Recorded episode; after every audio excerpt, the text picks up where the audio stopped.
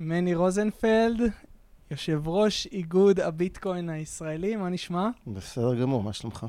על הכיפאק. אה, קודם כל, תודה רבה על, ה- על האירוח. תודה לך. אה, אחלה לוקיישן פה, אז אולי באמת אה, נתחיל מאיפה אנחנו, מאיפה אנחנו נמצאים. אז כן, אנחנו נמצאים פה בשגרירות הביטקוין, ממוקמת באחוזת בית אחד תל אביב. זה בעצם המרכז של כל קהילת הביטקוין בארץ, המרכז הפיזי, כי למרות שכמובן יש הרבה פעילות של הקהילה באינטרנט, כן, בפייסבוק וכל מיני דברים כאלה, יש גם צורך באיזשהו מרחב פיזי שאנשים יכולים לבוא לפה ולהיפגש במקום שהוא קבוע, כן? לא סתם כל פעם להיפגש במקום אחר, אלא מקום שאנחנו יודעים שהוא מוגדר, שייך לביטקוין ולכל הקהילה, וזה המקום הזה. כן, הוא קם לפני שש שנים בערך, בסוף 2013, ו- וכן, וזה מקום שגם um, כל, כאילו כל הזמן יש uh, אנשים שמאשים אותו, כן? יש שגרירים שלוקחים משמרות באופן כזה שבכל זמן יש פה מישהו uh, פעיל של הקהילה, כדי שכל אחד שבא מהרחוב ורוצה לשאול על ביטקוין, להתעניין, ללמוד, uh, לעשות דברים, אז יש פה מישהו שיכול לעזור לו. אז כן, אז ככה בעצם אנשים יודעים שאם הם רוצים להיכנס לתוך הביטקוין, אז יש להם מקום. מעבר לזה, גם יש פה כל מיני מפגשים והתאספויות יותר רחבות, כן? כל יום ראשון בערב יש פה מה שאנחנו קוראים לו סטושי סקוואר, שזה בעצם מפגש חברתי שהרבה אנשים מקהילה באים, מדברים, או סתם מבלים, או עובדים ביחד על דברים, מעלים רעיונות, מנהלים דיונים, וכן, ויש גם עוד, אה, עוד כל מיני דברים שקורים פה, גם, אה, גם המקום הזה הוא גם המשרד של איגוד הביטקוין הישראלי. אז כן, אז כל מי שאיכשהו קשור לביטקוין, כדאי מאוד שיבוא לפה כמה שיותר. אני, כשאני נכנסתי מהרחוב זה באמת היה, היה מאוד נעים ונחמד, שהיה פה את אחד המתנדבים שרק נכנסתי, היי, מה קורה? כאילו, קיבל את פניי, וגם שאל אותי, יש לך ארנק, אתה, אתה, אתה, אתה, רוצה, אתה, אתה רוצה להבין אה, אה, איך, איך לקנות ביטקוין, ו, ונושאים כאלה שאני חושב ש... אה, א', הרבה אנשים בכלל לא יודעים שמוצע שירות כזה ובחינם. כאילו, אם, אם אי פעם חשבת על לקנות ביטקוין, אה, אני באופן אישי, הדבר היחידי, אה, קרוב לוודאי שהייתי עושה, זה היה, הייתי נכנס לפורומים או לסרטוני יוטיוב ומנסה להבין איך אני פותח, אה, איך אני פותח ארנק, ארנק קריפטו, ופתאום פה אתה בא ואתה יודע, מישהו גם מדבר איתך בעברית, אז זה מאוד מאוד נחמד. כן, אז כן, הרי למעשה זו גם דרך, כן? הרי מן הסתם גם פעם זאת הייתה הדרכים העיקריות, גם בטח בכל מיני מקומות בעולם שבהם הקהילה פחות מפותחת. זה מה שאנשים עושים, כן? קוראים באינטרנט, ו, ויש את כל התשובות גם באינטרנט, כן? אבל קודם כל, um, להרבה, בדרך כלל אנשים בארץ יותר נוח עם דברים בעברית, כן? כלומר, יש כאלה... שנגיד פחות חזקים באנגלית, אבל גם כאלה שמבינים גם אנגלית לא רע, עדיין בעברית זה תמיד הרבה יותר נוח, וגם בכל הנוגע לתכנים באינטרנט, יש כאלה גם בעברית, כן, הזכרת סרטונים ביוטיוב, יש גם את הערוץ יוטיוב שלנו, כאילו באנגלית ביטקון ישראל, ש... ששם יש סרטונים, כאילו בעיקר מכל מיני אירועים שאנחנו עושים שיהיו בהם הרצאות, יש את הסרטונים של זה, אז אפשר משם ללמוד. ויש גם מאמרים שאנחנו כותבים, יש כמובן גם קבוצת פייסבוק נקראת ביטקוין, הקהילה הישראלית, ששם אפשר גם לשאול שאלות את כל הקהילה פה. אז גם באינטרנט יש קהילה ויש תכנים בעברית, אבל כן, יש ערך מוסף בנוכחות פיזית, כי גם, אתה יודע, בעיקר כשמגיעים ליותר פרקטי, ממש לפתוח ארנק וזה, אז יותר נוח שיש מישהו יושב לידך שממש רואה מה אתה עושה, רואה את הארנק, עוזר לך. וזה כן אה, חשוב שזה יהיה. ו- וכן, ו- ואני גם uh, רואה את זה שלפעמים, uh, נגיד מישהו שואל שאלה בפייסבוק, אז אם זה נגיד שאלה שהיא קצת יותר תיאורטית, או שאלה שיש לה איזושהי תשובה מאוד ברורה, אז אפשר לענות בתגובה לשאלה. אבל אם רואים שזה קצת יותר התעסקות, ולהיכנס ולראות מה הוא כן עשה, מה הוא לא עשה, אנחנו אומרים, הכי טוב, תבוא לשגרות, נראה מה המצב, נעזור לך. וכל השירותים האלה מוצעים בחינם לציבור הרחב?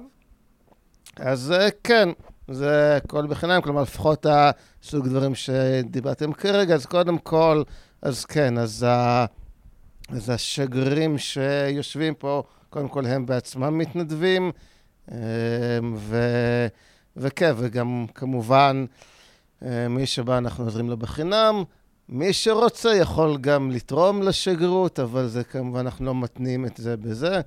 אה, וכן, גם, גם מפגשים והרצאות וסרטונים שאנחנו עושים כמעט הכל בחינם, כלומר נגיד 99% בחינם. מדי פעם אנחנו עושים משהו קצת יותר גדול, ואז לפעמים כן אה, גובים תשלום על הכניסה, שזה כמובן בדרך כלל רק על ההוצאות תפעול, וזה נגיד המרצים וכל זה. הם, נראה לי, אני, אני לא רוצה להגיד תמיד כי זאת מילה חזקה, אבל תמיד עושים את זה בהתנדבות. אה, אז כן. מדהים.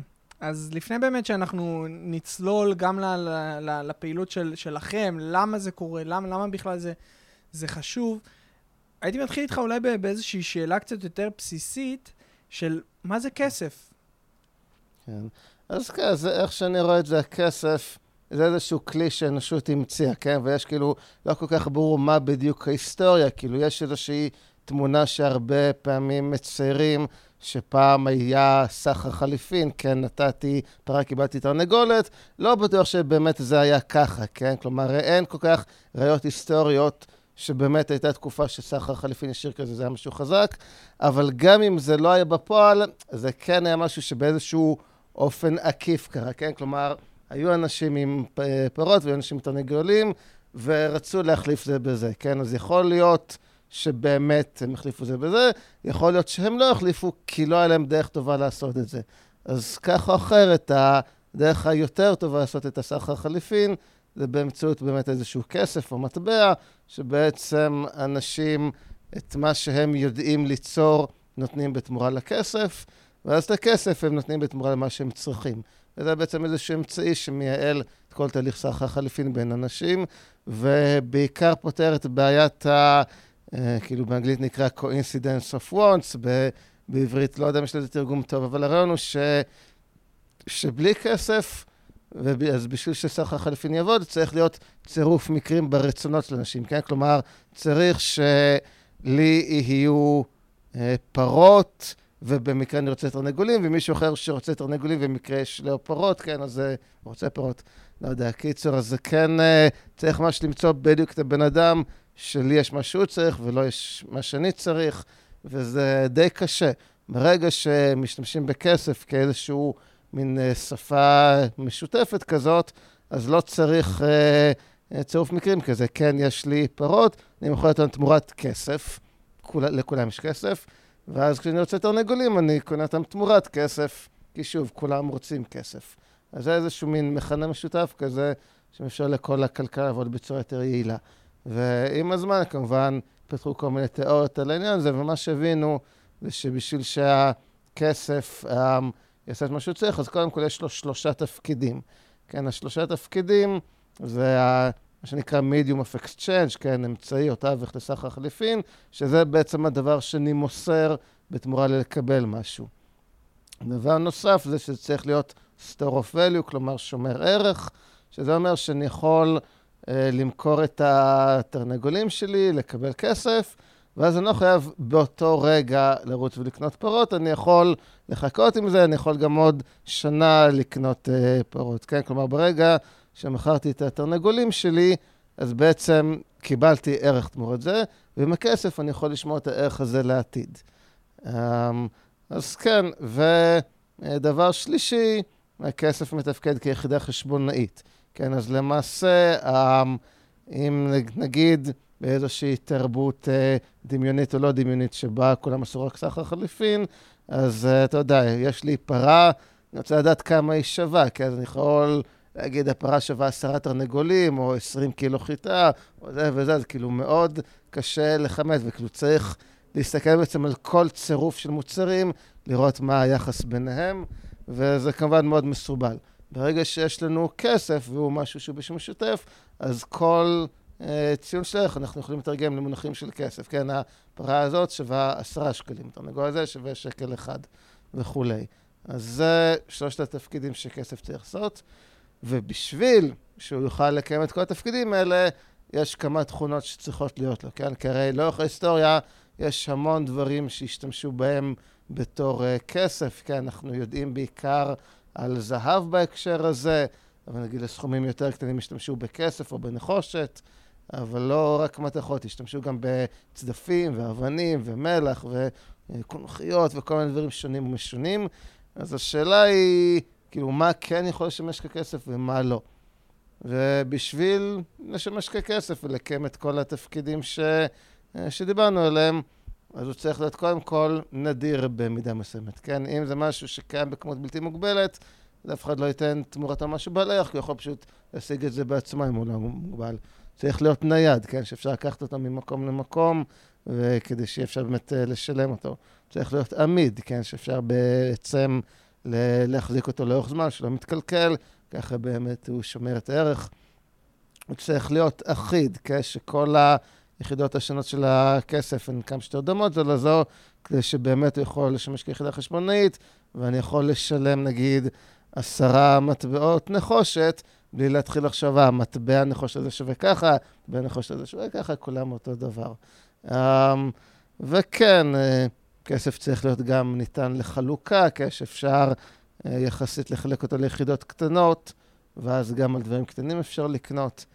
Um, כן, ובנוסף לזה, וחשוב מאוד, כסף צריך להיות בשימוש שוטף, כן? אם משהו, יש לו באופן אה, טבעי את כל התכונות האלה, אבל הוא לא משומש בצורה שוטף ככסף, אז הוא גם לא יהיה כסף טוב למי שרוצה, כן? כי יש פה אפקט רשת מאוד חזק, כן? אה, רגע, אני אעשה detour קטן לדבר על אפקט הרשת. אמ, בואו נגיד, אמ, לא יודע, ניקח למשל אה, מסך מחשב, שזו דוגמה חצי טובה, אבל נגיד אז אם מישהו ממציא מסך מחשב הרבה יותר טוב מכל מה שעד עכשיו, מציג תמונה ברורה, רענון גבוה, רזולוציה טובה, קונטרסט גבוה, לא צריך הרבה חשמל, קל תפעול, הכל, כל זה, אז אם אני בא וקונה את המסך הזה, אז זה טוב לי, כן, אני, יש לי עכשיו מסך שווה טוב, לא, לא משנה לי שכל השאר... Um, לא קנו את המסך הזה, כי המסך הזה בשביל לענות ממנו, מספיק שאני משתמש בו. לעומת זאת, אמ, אם נגיד שאנחנו מסתכלים על תקופה קצת יותר מוקדמת בהיסטוריה, המציאו את הטלפון. כן, מכשיר, תקשורת מורחקת, אפשר להתקשר, לדבר עם שם זה, משהו מצוין. אם אני הבן אדם הראשון בעולם שקונה את הטלפון הזה, הוא לא יעזור לי בשום צורה, כן? לא משנה כמה הוא טוב וכמה הוא ילווה זה, אם אני הבן אדם היחיד שיש לו טלפון, הוא לא יעזור לי בשום צורה. אם אם יש שני אנשים בעולם שיש להם טלפון, זה גם לא כזה עוזר. כן, כן, בסדר, אני יכול לדבר עם בן אדם השני, אבל כנראה שיש עוד אנשים שאני רוצה לדבר איתם. רק ברגע שיש רשת שמשתתפים וכולם uh, כולם משתמשים בזה, אז יש לי איך המתים מזה שני משתמש בו, כי יש לי הרבה אנשים לדבר איתם. הכוונה היא למסה קריטית? אז כאילו אפשר לקרוא לזה גם ככה. Um, כאילו. תראה, בדרך כלל כשמדברים על מסה קריטית, אה, מדברים על אולי משהו קצת יותר ספציפי, ש... אמ, שבעצם מעל כמות משתמשים מסוימת זה עובד, ומתחת אליה זה לא עובד, אבל פה אני מדבר אולי קצת יותר בכלליות, שככל שיש יותר משתמשים, כך יש לזה יותר ערך, כן? אז גם אם יש 100 משתמשים, אז יש ערך מסוים, אם יש אלף משתמשים אז יותר, וכך הלאה. וכיף, וזה תלוי... אה, לפעמים זה גם מגיע למצב של, של מסה קריטית, כי, um, כי נגיד ש, um, שבאמת אנחנו בטלפון הראשון בעולם, אז נגיד שיש um, 100 אנשים שהסלבו ואמרו, וואי, אני חייב לקנות את הטלפון הזה, יש 100 אנשים בעולם עם טלפון, ואז אומרים שאין להם כמעט עם מי לדבר, כן? כי ה-100 אנשים אחרים שבמקרה יש להם טלפון זה לא מישהו שרוצים לדבר, אז עוברת שנה, שנתיים, והם רואים שאין להם מי לדבר, אז הם זורקים את הטלפון לפח, כי אין, אה, אין להם מה לעשות איתו. ואז במקומם משתמשים, יש לנו אפס משתמשים. כן, אז באמת אה, יש מצב כזה. אז אם נחזור ש... רגע, אם נחזור רגע לנושא הזה של, של הרשת, איך... איך אה, אז... אז, אז כן, אז, אז כסף זה גם משהו שמושפע מאפקט הרשת. כלומר, אם נגיד ממציאים עכשיו איזשהו כסף חדש שיש לו כל התכונות שציינתי קודם, אבל אני הבן אדם היחיד שמשתמש בו, אני לא יכול להשתמש בו ככסף, כן? כי, כי גם אף אחד אה, לא יסכים אה, לקבל ממני את זה כתשלום, כי הוא לא משתמש בזה בעצמו, וגם זה לא ממש ישמור ערך, כי אם אף אחד לא משתמש בזה, לא יהיה לזה ערך, וזה גם לא יכול לשמש כיחידה חשבונית, כי אם אף אחד לא משתמש בזה, אז אין שוק שקובע מה המחירים של כל דבר. לכן... כסף זה משהו שמאוד מושפע מאפקט הרשת.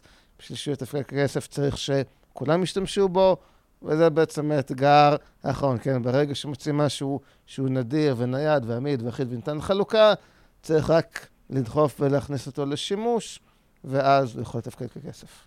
ו- ובבסיס של זה בעצם, תקן אותי אם אני טועה, צריך שיהיה קונצנזוס, הסכמה כוללת על מה, מה הוא שווה. זאת אומרת, אם אנחנו כחברה עכשיו מחליטים על, על, על, על צדף, לצורך העניין, ש, שהוא שווה X, החשיבות ש, ש, שאנחנו כ, כ, כקבוצה נבין שזה שווה רק X, לא X פלוס, לא X מינוס, זה, זה, זה גם תכונה שהיא, שהיא חשובה על מנת ש...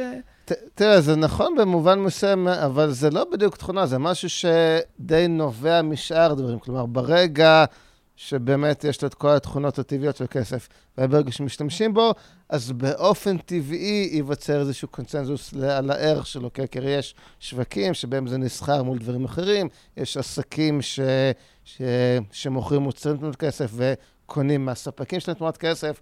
יש פה כוחות שוק שבסופו של דבר יוצרים איזשהו שיווי משקל למה יהיה הערך, כן? אז לכן זה שיש איזושהי הסכמה לגבי הערך שלו, זה יותר פועל יוצא של כל שאר הדברים, מאשר משהו שהוא בפני עצמו אה, חשוב שיקרה. אוקיי, okay. ואם אנחנו מסתכלים באמת על, על, על הנושא של ההיסטוריה, איפה, איפה נכנס... המדינה, איפה נכנסה המדינה להתערבות ישירה של, של, אה, של, של הכסף, בעלות על, על ייצור הכסף? איפה, איפה, אתה יודע להגיד היסטורית, איפה פחות או יותר זה קרה? אז תראה, יש כל מיני דברים שקרו לאורך ההיסטוריה, אבל מקובל להגיד שנקודת מפנה בכל העניין הזה זה 1971, מה שנקרא ניקסון שוק. עד אז היה סטנדרט הזהב, כלומר, היה גיבוי של ממשלת ארה"ב בזהב לדולרים שלה, כן? כלומר, אה, כלומר זה, זה גם, גם הגיבוי הזה נשחק קצת לאורך השנים, כן? המחירים טיפה השתנו, ולמי מותר לקבל את הגיבוי הזה, זה גם השתנה, אבל ברמת הבסיס, ממשלת ארה"ב הנפיקה דולרים, והיא אמרה, תמורת איקס דולרים, נביא לכם מונקיית זהב, אני לא זוכר כרגע את המספר המדויק, אבל זה פשוט היה התחייבות מצד ארצות הברית לתת ערך נקוב בזהב תמורת הדולרים. ואז לכן הדולרים לא באמת היו מטבע עצמאי בפני עצמו, זה היה איזשהו סוג של אה, פרוקסי לזהב, כן? אנשים היו מחליפים ביניהם דולרים, והיו חושבים על זה כאילו זה זהב. כאילו, כמובן, עם הזמן אנשים יותר חשבו בדולרים מאשר בזהב, אבל, אה, אבל זה כן ברקע הייתה איזושהי הבנה שיש פה זהב. ולכן גם לא באמת הייתה יותר מדי יכולת uh, להדפיס כמויות בלתי מוגבלות של דולרים, כי זה הכל היה צריך להיות מגובה בזהב. אז uh, סוג של היה מטבע בפני עצמו, אבל לא בדיוק, זה היה כבול הזהב, שזה כמובן מתכת, זה חומר פיזי, קיים בכמות מוגבלת על כדור הארץ וכולי. אבל ב-1971 בוטלה, בוטל הגיבוי הזה, בוטלה התחייבות, וכאילו אמרו, זהו, יותר אנחנו נותנים זהב תמורת הדולרים, תמשיכו להשתמש בדולרים כמו שעשיתם עד עכשיו. ואז זה בעצם היה פתח לזה שאין שום דבר שמגביל, נגיד, את ממשלת ארה"ב בכמה דולרים להדפיס. כאילו, כמובן, יש כל מיני שיקולים, כי כלומר, הם לא רוצים להדפיס יותר מדי, כי זה גם יפגע בכלכלה, אבל יש להם את החופש להחליט כמה להדפיס לפי מה שהם רוצים. וכמובן גם מדינות אחרות בעולם גם הלכו בעקבותיהם. וזו בערך הנקודה שבה התחילה להיות באמת מדיניות מוניטרית שהיא מנותקת מבעצם משאבים פיזיים. ואיפה נכנס בעצם uh, כל, ה, כל הנושא הזה של, של הביטקוין לתמונה? כן, אז אוקיי, אז קודם כל, אז uh, uh, כאילו ההנחת היסוד פה היא שביטקוין uh, יכול להיות כסף יותר טוב מהכסף שאנחנו מכירים, בגלל שאת כל התכונות של הכסף שאמרתי שצריך, הוא מקיים יותר טוב, כן? אז, אה, אז ואפשר להסתכל על זה אחת-אחת, כן? מבחינת uh, נדיר, כן, אז ביטקוין נדיר, יש כמות מוגבלת על כמה ביטקוינים יהיה פעם, לעומת מטבעות ממשלתיים שיכולים... כמה אגב? פיסות. זה 21 מיליון ביטקוין, כאשר כמובן כל ביטקוין מתחלק ל-100 מיליון uh, יחידות, כן? למעשה, הרי בגלל שזה הכל דיגיטלי, אז זה מספרים שבמחשב, את המספרים האלה אפשר להגדיר עם שמונה ספרות עשרוניות אחרי הנקודה. אז, אה, אז כן, זה מבחינת כמות הביטקוינים, והם נכנסים למחזור באיזשהו קצב שהולך ויורד, אה, עד שעוד כאילו, אני לא רוצה להיכנס יותר מדי מתמטיקה, אבל אם נחכה מספיק זמן, יהיו בערך 21 מיליון מטבעות, ולא לנו יותר מזה. כן, אז ביטקוין הוא... הוא נייד, כן, בגלל שזה הכל דיגיטלי, אז אפשר דרך האינטרנט להעביר ביטקוינים, לא צריך לא להעביר דברים פיזיים, וגם, אמנם, גם הדולרים והשקלים היום הם ברובם דיגיטליים, כן? כשמדברים על כמות הדולרים בעולם, אז זה לא ממש שטרות פיזיים, אלא כל מיני רשומות בבנקים, אז זה דיגיטלי, אבל מצד שני זה משהו דיגיטלי שאיזשהו גורם מרכזי שולט בו. ובתור גורם מרכזי יכול לעכב העברות של זה, או סתם בשביל לגזור קופון, או כל מיני רגולציות ודברים כאלה. וביטקוין, בגלל שזה גם דיגיטלי, גם מבוזר, אז הרבה יותר קל להעביר אותו, וכמובן גם כל שאר התכונות האחרות, כן? אז אה, ביטקוין פשוט מקיים את זה בצורה יותר טובה ממטבעות המסורתיים. הדבר היחיד שעוד יש לנו להתקדם זה הדבר האחרון של כמה שהוא בשימוש שוטף, כן? זה... כי כן, כי כרגע, בגלל ש... רוב האנשים לא משתמשים בביטקוין, אז למישהו שבא ורוצה להשתמש, אז זה גם לא כזה מועיל, כי אין לו כזה עם מי לעשות את זה. אבל כן, אני כן חושב שהיא מספיק uh, דחיפה קדימה. ומספיק uh, התבססות ובשלות של הרעיון, אז כן, אז uh, השימוש ילך ויגבר, ואז באמת נעבור את המסה הקריטית הזאת, שמעליה לכל בן אדם חדש, גם אם הוא לא, נגיד, מתחבר לאידיאולוגיה של ביטקוין במידה מיוחדת, פשוט במובן הפרקטי יהיה לו יותר כדאי להשתמש בביטקוין במטבעות אחרים. אז באמת, אני אשמח להבין קצת על הנושא הזה של, ה, של האידיאולוגיה, כי ל-everyday Joe, לאדם הפשוט, אם אתה תבוא ותגיד לו, תשמע, יש לו תכונות שהן יותר טובות מכסף, לא יודע כמה אתה תצליח באמת לעניין אותו, אבל מה, מה בעצם ה... מה האידיאולוגיה, מה, למה אין לשום מטבע אחר בעולם איגוד שבא ומנסה לשגרר ומנסה לפתח וליחצן איזשהו מטבע, ודווקא לנושא הזה של, של ביטקוין, כאילו אנחנו רואים בעצם את, הקהילתיות הזאת סביב, סביב הנושא הזה.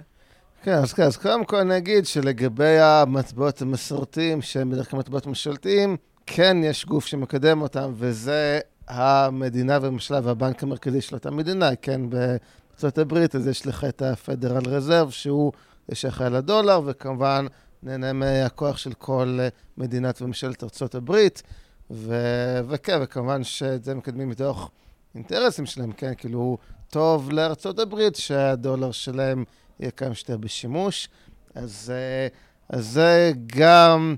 איזשהו ניגוד למה שאמרת, שבמקומות אחרים אין מישהו שמקדם את זה, אבל זה גם... התכוונתי מבחינת כן, הקהילתיות של כן, האזרח אז, הפשוט. אז, אז כן, זה, זה גם, אוקיי, זה, זה עוד אה, גורם שאני קצת אה, אה, אנגד פה, שמבחינת קהילה, אה, בדרך כלל יש קהילה עבור משהו שהוא לא obvious, כן? נגיד עבור השקל, אין לך קהילת השקל, כי כולם משתמשים בשקל, כן? לא, לא צריך קהילה בשביל זה. גם, אה, לא יודע, ניקח, אה, אני, לא יודע, נגיד סמארטפונים, אני לא יודע אם יש בדיוק קהילת הסמארטפונים, כי כולם משתמשים בסמארטפונים.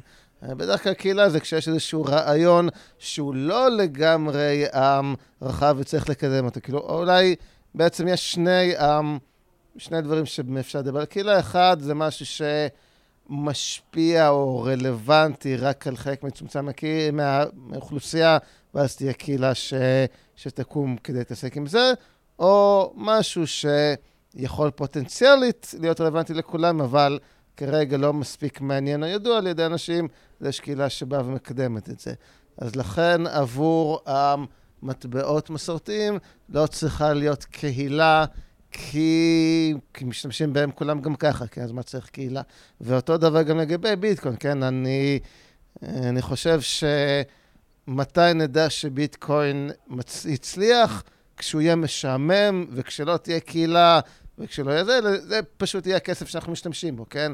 ברגע שכולם ישתמשו בביטקוין, אז זה לא יהיה איזה משהו מעניין וטכנולוגי וחדשני וזה, וזה לא יהיה איזה קהילה, זה פשוט משהו שכולם ישתמשו, ואז אנחנו יודעים שביטקוין יצליח. אבל עם כל הדברים בצד, שאלת בעיקר על האידיאולוגיה והדברים האלה, אז זה בעצם ה... ה כאילו, זה הצד השני של המטבע, של מה שאמרתי, שהממשלות הן אלה שדוחפות את המטבעות הממשלתיים, שבביטקוין הוא מבוזר, אין מישהו שאחראי עליו, כן? וברגע שיש לך מטבע ממשלתי ש... שהמדינה אחראית עליו, גם המדינה, גם הבנקים הפרטיים והבנק המרכזי, אז יש להם המון כוח, כן? ברגע שהם שולטים במטבע, שזה משהו שהוא כל כך בסיסי באיך שהחיים והכלכלה מתנהלת, נותן להם המון כוח. בהרבה מקרים מנצלים את הכוח הזה לרעה בצורה כזו או אחרת. וזה בעצם ההתחלה של הבשורה, ש... שבעצם אה, בביטקוין אין מישהו ששולט עליו, אז גם אין את, ה... את הכוח הזה שמרוכז במקום אחד. עכשיו, מעבר לזה, ביטקוין נותן הרבה בחירה, כן? כלומר, אם ניקח משהו כמו, כמו דולר ארה"ב, או נגיד אה, שקל ישראלי, אז אם אתה רוצה להשתמש בשקלים, אתה צריך לפעול לפי החוקים של הבנקים, של המדינה, של כל הדברים האלה. עכשיו, עם ביטקוין אתה יכול, לפחות בחלק מהדברים, לעקוף את כל החוקים האלה, ואז יש לך את האפשרות. אם נוח לך עם הבנקים וכל זה, תשתמש בשקלים, אין בעיה. אבל אם אתה רוצה לעשות משהו קצת אחר, אתה יכול להשתמש בביטקוין. ואז בעצם כל אחד um, לוקח את זה בכיוון קצת אחר, כן? יש, יש אנשים שרוצים להיות מסוגלים לשמור על הערך שלהם בלי שיוכלו להפקיע אותו, או לחלות אותו, לא יודע מה, או אפילו סתם לשחוק אותו. אז אנשים כאלה יכולים להחזיק ביטקוין, כן? כל, אה, אה, כל סוג של נכס אחר אפשר להפקיע ממך. עם ביטקוין אני לא אגיד שבלתי אפשרי, אבל יותר קשה לקחת אותו ממך, בטח אם אתה שומר עליו כמו שצריך, כאשר איזשהו סוג של... בסדר, איזושהי אפשרות רלוונטית זה בעצם לשמור מפתח או סיד לביטקוין בזיכרון, כן, אה, אה, לזכור אותו בעל פה, אה, בהנחה ששיננת אותו מספיק שאין כמעט סיכוי שתשכח, ואז, תראה, תיאורטית אפשר לבוא אליך עם מפתח ברגים של חמישה דולר ולקוט אותך עד שאתה נותן את הסיד, אבל נראה לי שזה משהו שה... רשויות החוק כרגע פחות עושות. וכן, וכמובן שגם אפשר לעשות עוד כל מיני גיבויים ודברים, ומולטיסיג, לא יודע מה. קיצור, הפואנטה היא שיש כל מיני דרכים לשמור בצורה יותר טובה מנכסים אחרים. אז, ובנוסף לזה, גם ביטקוין באמת משהו ששומר על הערך, להבדיל מנגיד שקלים, שהערך שלהם כל הזמן יורד, כי מדפיסים עוד. אז זה דבר אחד. דבר אחר, אפשר... Uh, אה, לשמור על, אה, על פרטיות, כן? שזה טוב לכל מיני אנשים. זה טוב גם לאנשים רגילים לגמרי, שפשוט רוצים קצת יותר פרטיות ולא רוצים שנגיד הבנק ידע כל מה שהם עושים. זה יכול להיות טוב מאוד ל... לאנשים בכל מיני מקומות עם ממשל אפילו יותר גרוע ממה שיש בישראל, כן, לא יודע, כל מיני דיקטטורות ודברים כאלה, שרוצים לפעול נגד הממשל. ו- וכן, ואם פרטיות של מתחשף זה יכול להיות גם סכנת חיים עבורם וגם פגיעה במטרה שלשמה הם עובדים. אז uh, ביטקוין uh, יכול לתת מענה פה. כמובן, גם חשוב לזכור שביטקוין הוא לא אנונימי, כן? זה, כאילו, זו טעות נפוצה, הרי למעשה ביטקוין במובן מסוים ההפך מאנונימי, כי כל פעולה שעושים מופיעה בצורה פומבית על שרשרת הבלוקים שכולם רואים. מצד שני, אם משתמשים בו כמו שצריך, אפשר לשמור על פרטיות, או באמצעות מיקסינג וקונג'וין, או באמצעות לייק uh, נטוורק, שיש שם מודל פרטיות אחר, או אולי גם לאו דווקא ביט, כל מיני מטבעות אחרים שיש בהם צורות אחרות של אנונימיות, כמו, כמו למשל זיקש ומונרו, ומטבעות מילים. רגע. רגע, אתה זורק פה מלא מושגים שאין לי מושג מה אף אחד אה, אה, מהם אומר. אני אגיד לך עד איפה אני עקבתי ועד איפה אני הבנתי. ואשמח שתרחיב משם. אחת, הטעות הנפוצה היא שהנושא של האנונימיות זה בדיוק הפוך, בגלל שהטרנזקציות, ההעברות, הן מבוצעות על, על גבי רשת שכולם חשופים להן. מצד שני, יש את הפרטיות שאנחנו לא יודעים מי אלה אותם אינדיבידואלים שעשו את, את ההעברה. עכשיו, התחלת להסביר איך בדיוק בפועל זה, זה, זה מתבצע על אה, הפרטיות, ופה קצת איבדתי אותך. כן, אוקיי, אז יודע מה, אז בוא נשמור את זה רגע בצד. אני אשלים קודם את הרעיון הקודם, ש, שאחת התקוות הגדולות שלי יש אה, מבחינת ביטקוין, זה יכולת ליצור מדינות חדשות, כן? כלומר, כרגע, אה, כאילו, אחד הדברים שהכי מאפיינים מדינה זה השליטה על הכסף שלה, המדיניות המוניטרית שלה, ואם אתה רוצה להקים אה, מדינה חדשה, כן, נגיד, לפי מודלים של, אה, של סיסטדין, כן, כאילו בעצם להקים מעין ערי מדינה באוקיינוס, כל מיני רעיונות דומים, אז אחד הבעיות שנתקלים בהן זה באיזה מטבע להשתמש, כן? מצד אחד, אתה לא רוצה להשתמש במטבע של מדינה קיימת, כי אז אתה תלוי בה. מצד שני, אם תמציא מטבע משל עצמך, אז הוא לא, לא יהיה כל כך שמיש, בגלל ש... שהוא רלוונטי רק לקהילה קטנה. אבל ברגע שיש ביטקוין, אז כל מדינת סטארט-אפ כזאת שרוצה לקום, יכולה פשוט להשתמש בביטקוין, מטבע גלובלי, דיגיטלי, מבוזר, וזה בעצם יכול לאפשר חדשנות, כן? כלומר, מבחינת uh, השאלה של נגיד ממשלות מול אנרכיה וכולי, אני לא חושב שב... נגיד, במאה השנים הקרובות, ביטקוין יכול להפיל את הממשלות כמו שאנחנו מכירים כיום. מה שהוא כן יכול לעשות זה לתת אלטרנטיבות, כן? המדינות, הממשלות תמשיך להתקיים, אבל יש אפשרות ליצור מדינות חדשות שישתמשו בביטקוין בתור מטבע, ואז מי שרוצה, אם מי שלא נוח לו הממשל שיש, ב, נגיד בישראל, וגם אולי לא באף מקום אחר בעולם, יכול לבחור ל... לאחת המדינות סטארט-אפ האלה, בהתאם לזה שאין בה כמעט ממשל, או שממשל קצת אחר. זה, אני חושב, אחד הדברים היפים פה. היה איזה ניסיון באחת המדינות הנורדיות, לא? באחד מהאיים האלה ש... אז, אז רגע, אז תראה, יש כל מיני דברים, אני לא זוכר מה ומה, כאילו, תראה, אחד הדברים הכי ידועים בהקשר הזה זה ליברלנד, ש... שממוקמת באיזשהו אה, חבל ארץ, אבל זה, עד כמה שראיתי, לא, לא מה שקורה שם הרבה.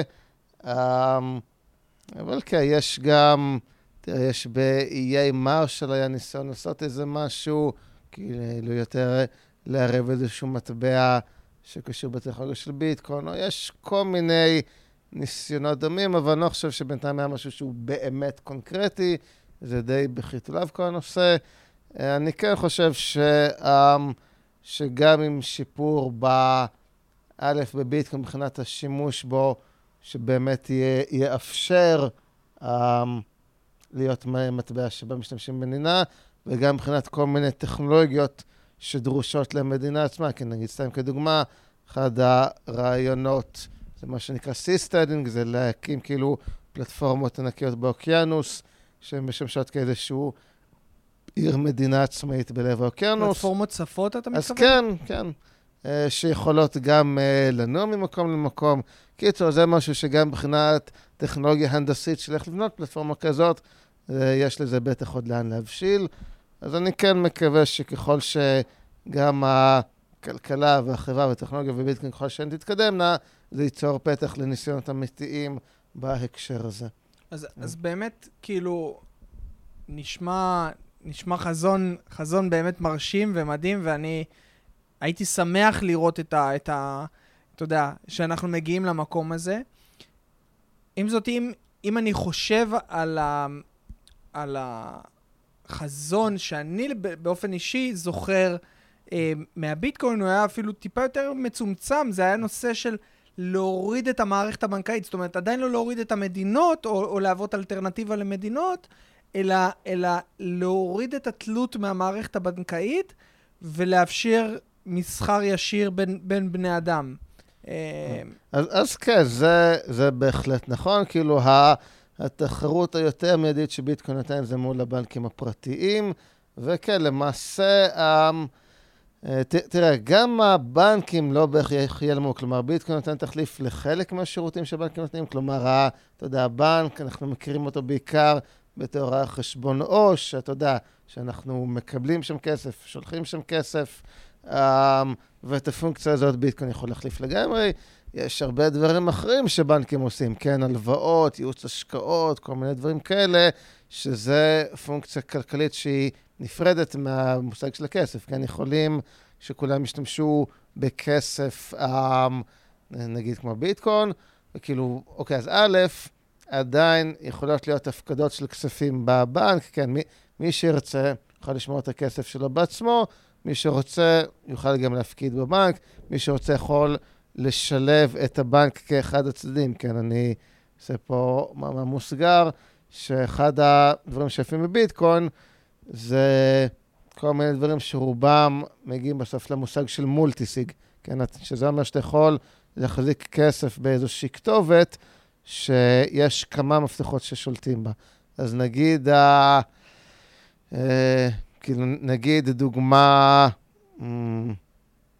דוגמה פשוטה, זה נגיד שאנחנו יוצרים כתובת שיש לה שני מפתחות. מה זה כתובת ומה זה מפתחות? בוא, אני, אני בכוונה לוקח כן, אותך לבסיס, כן, כי, כן. כי, אני, כי אני מבין שאתה לרוב, אתה יודע, מדבר ו- ומתראה עם אנשים שמבינים את המושגים הבסיסיים האלה, אבל תחשוב שגם אני וגם הצופים ש- שרואים או שומעים את זה, לא בהכרח מבינים את, כן. ה- את הדברים האלה. כן, אז כן, אז, אה, אז בסדר, אז אוקיי. אז אה, אוקיי, זה באמת משהו שבשביל אה, להסביר זה יצריך אותי להיות קצת יותר טכני, אבל בואו נתחיל מלהגיד ש... שמה זה כתובת ביטקוין. כתובת זה בעצם ה... ה... איך נקרא לזה? המזהה או התעודת זהות שלך בעולם של הביטקוין, או כאילו מבחינת הרשת של הביטקוין. כלומר, אם אני עכשיו רוצה שמישהו um, ישלם לי ביטקוין, אז התוכנה שבה הוא משתמש, שישתמש בביטקוין, צריכה לדעת לאן לשלוח. מה שמזהה את לאן לשלוח זה הכתובת. כאשר כתובת, בדרך כלל מציגים אותה כאיזושהי רצף של אותיות וספרות, וכל אחד יש לו כתובת כזו שזה רצף טקסט. אפשר גם להציג את הכתובת כקוד QR, שאז אפשר לסרוק עם הטלפון, ואז um, כש, כשהוא רוצה לדעת למי לשלוח, והאפליקציה שלו רוצה לדעת לאן לשלוח, אז הכתובת זה מה שמגדיר לאן לשלוח. שזה לרוב משהו שהוא פרטי, אני לא חוסף את ה... אז, את אז, את אז תראה, הכתובת זה משהו שהוא חצי פרטי, כלומר, אה, אני יכול לחשוף אותו, אבל יש בזה um, שאלה של פרטיות. כלומר, אם, um, אם מישהו, uh, יש לו כתובת מסוימת, אז הוא יכול לראות את כל הטרנסאקציות שבהן כסף נכנס או יצא מהכתובת הזאת. הבנתי. אז, uh, אז אם אני... אפרסם עכשיו בכל העולם אה, ש, שהכתובת הזאת היא שלי, אז יש פה איזשהו אובדן פרטיות. עכשיו, אני אולי אחזור לנושא של הפרטיות יותר מאוחר, אני רק אגיד פה שכל אחד יכולות להיות לו הרבה כתובות, כן? Mm. אפשר ליצור כמה כתובות שאני רוצה, עשר כתובות, מיליון כתובות, ו... וזה משהו שעוזר לפרטיות, כי, כי בשביל לדעת את כל ההתנהלות הכספית שלי, לא מספיק לדעת כתובת אחת שלי, צריך לדעת את כולן. אבל אני אחזור לזה. קטע הוא ש... שכאמור, אז יש לי לשלוח לי כסף, אז צריך לדעת מה הכתובת שלי. עכשיו, מה שהופך את הכתובת הזאת לשלי, זה זה שיש לי משהו שנקרא מפתח פרטי, שזה גם איזשהו פיסת טקסט ש... שמשתמשים בו ב... בתהליך החתימות הדיגיטליות של ביטקוין, כן? כלומר, למעשה, אחרי ש... שמישהו העביר כסף לאיזושהי כתובת שלי, אני רוצה להעביר את זה למישהו אחר, אז אני צריך לאשר שבאמת אני מעוניין בזה. הדרך שאני עושה את זה זה באמצעות חתימה דיגיטלית, שזה אומר שאני לוקח איזשהו מפתח, שרק לי יש המפתח הזה, והוא קשור באיזושהי צורה לכתובת, והתוכנה שלי מבצעת איזשהו חישוב שלוקחת את ה... המפתח והכתובת וה... והפרטי העברה וכל זה, ויוצרת איזושהי חתימה, ואז החתימה הזאת מאשרת שבאמת אני הסכמתי לטרנסקציה הזאת. אז, אה, אז לכן המפתח הזה, המפתח הפרטי זה משהו מאוד חשוב. אז א', זה משהו שאני חייב תמיד לשמור רק לעצמי. אם מישהו אחר בטעות יודע את המפתח הפרטי שלי, אז הוא יוכל לחתום על הודעות בשמי ולהעביר את הכסף שבכתובת לאן שבא לו. אני יכול לשמור את זה אצלי, וחשוב שבאמת הוא יישאר אצלי, כי אם אני מאבד את המפתח הזה, אז אין לי שום דרך להוכיח שאני באמת הבעלים של הכתובת הזאת, אין לי שום דרך להוציא משם את הכסף. כן. אז אם אני את המפתח, איבדתי את כל הכסף אה, שיש בכתובת המתאימה. שהיו לא מעט סיפורים, היה איזה סיפור, אני זוכר, על מישהו עם הרד דיסק, שזה עבר למזבלה העירונית, והוא הלך חיפש שם במשך תקופה, אז, כאלו... אז כן, כן, יש סיפור נפוץ כזה, והאמת היא שגם באופן כללי, אז כאמור הזכרתי שיש שתי בעיות, בעיה של גניבה, אם מישהו מוצא את המפתח הפרטי שלי, ובעיה של אובדן, אם אני מאבד את המפתח שלי. לאורך ההיסטוריה, הבעיה יותר נפוצה הייתה אובדן, כן? כי אנשים יותר מדי אה, אה, שומרים בסוד המפתח, כאילו לא יוצרים גיבויים, לא זה, אז בסוף מאבדים את העותק היחיד שלהם ומאבדים. לכן, כן חשוב אה, לשמור על גיבויים, כן, שכאמור אפשר, אה, קודם כל, באיך שביטקוין אה, עבד יותר פעם, היה פשוט איזשהו קובץ שמכיל את כל המפתחות, שהיה אפשר אותו לגבות. היום מה שיותר מקובל זה מה שנקרא סיד, שזה בעצם 12 מילים, ש-12 מילים האלה מכילות את כל המידע שצריך בשביל לשחזר את כל המפתחות שלי. אז את ה-12 מילים האלה צריך לרשום איפשהו בכמה עותקים, כדי שאם משהו קורה למשהו, אז יש לי עוד גיבויים, וכאמור, אה, יותר כדאי לשמור על יותר גיבויים, מאשר לחשוש שמישהו אולי ימצא את הגיבויים האלה, mm. כאילו זה גם חשש שהוא קיים, אבל באופן היסטורי פחות נפוץ. כן. אז, אה, אז כן, אז נראה לי זה קצת על המפתחות והכתובות. אמ, אוקיי, אז מה שהתחלתי להגיד קודם זה, ש, אמ, זה שהצורה הכי בסיסית של כתובת זה כתובת שיש לה מפתח אחד, מי שיש לה מפתח הזה יכול להשתמש בכספים שבכתובת. אבל יש uh, מה שנקרא כתובות מולטיסיג, שזה כתובת שמקושרת למספר מפתחות, וצריך חתימות מקוורום כלשהו של המפתחות האלה בשביל לאשר חתימה. אז אחת הצורות הכי בסיסיות זה שתיים משניים. כלומר, יש שני מפתחות, צריך את שניהם בשביל להעביר את הכסף. כמו ו... אישור חתימה בבנק, זאת אומרת, אם אנחנו שנינו אה, מורשים חתימה על איזשהו חשבון, ו- ואנחנו רוצים עכשיו לה- לעשות העברה של סכום אה, גבוה או משהו כזה, צריך ששנינו נהיה נוכחים פיזית. אז, ו... אז כן, אז זה בהחלט נכון. כמובן, ההבדל הוא שבמקרה של הבנק, אז הבנק הוא איזשהו גורם מרכזי שבודק שבאמת שנינו נמצאים בזה. פה זה הכל מבוזר, כלומר, לא צריך אף אחד. אני חותם מפתח שלי, אתה חותם מפתח שלך, וביחד מעבירים. אז אפשר לעשות עם זה כל מיני קונסטלציות. אז נגיד שבאמת כאילו, הרבה פעמים רואים את זה בארגונים, כן? נגיד שיש איזשהו ארגון שלא רוצים שכל אחד בפני עצמו יכול להזיז את הכספים שלו, אנחנו יכולים לעשות שניים משתיים, שגם אתה וגם אני, בתור הגזברים של הארגון הזה, לא יודע מה, יכולים להעביר את הכספים. אפשר להשתמש בזה, אמ, נגיד באיזושהי תצורה בנקאית, כן? למשל, נגיד... שיש לי כסף, ו... אמ, אה, וכאילו, בביטקוין, אבל אני חושש שאולי אה, מישהו יפרוץ עליי לגנוב את המפתח, אז... אמ, ונגיד אני מוצא איזשהו בנק או גוף שמתפקד באיזושהי צורה כבנק, ואני אומר, מצד אחד, אני לא סומך על הבנק הזה שהוא לא בעצמו יגנוב את הכסף, מצד שני, אני סומך עליו שהוא יחסית אה, מאובטח ויחסית שומר על המידע שלו כמו שצריך, ואז אני יכול את כל הביטקוין שלי לשמור אה, ב... בכתובת שהיא 2 מ-2, ואז לבנק יש מפתח, אה, לי יש מפתח, כל פעם כשאני רוצה להעביר כסף, אז uh, גם הבנק צריך לחתום וגם אני אחתום, כן? אז לצורך העניין, אז אני אחתום עם המפתח שיש אצלי, והבנק, אה, לפני שהוא חותם, הוא כנראה ינסה לזהות אותי, או שאני אבוא פיזית לסניף, או טלפונית, לא יודע מה, כל השיטות שהבנקים משתמשים בהן כיום. אם אנחנו עושים את זה, אז הסיכוי שיגנבו לי את הכסף הרבה יותר נמוך.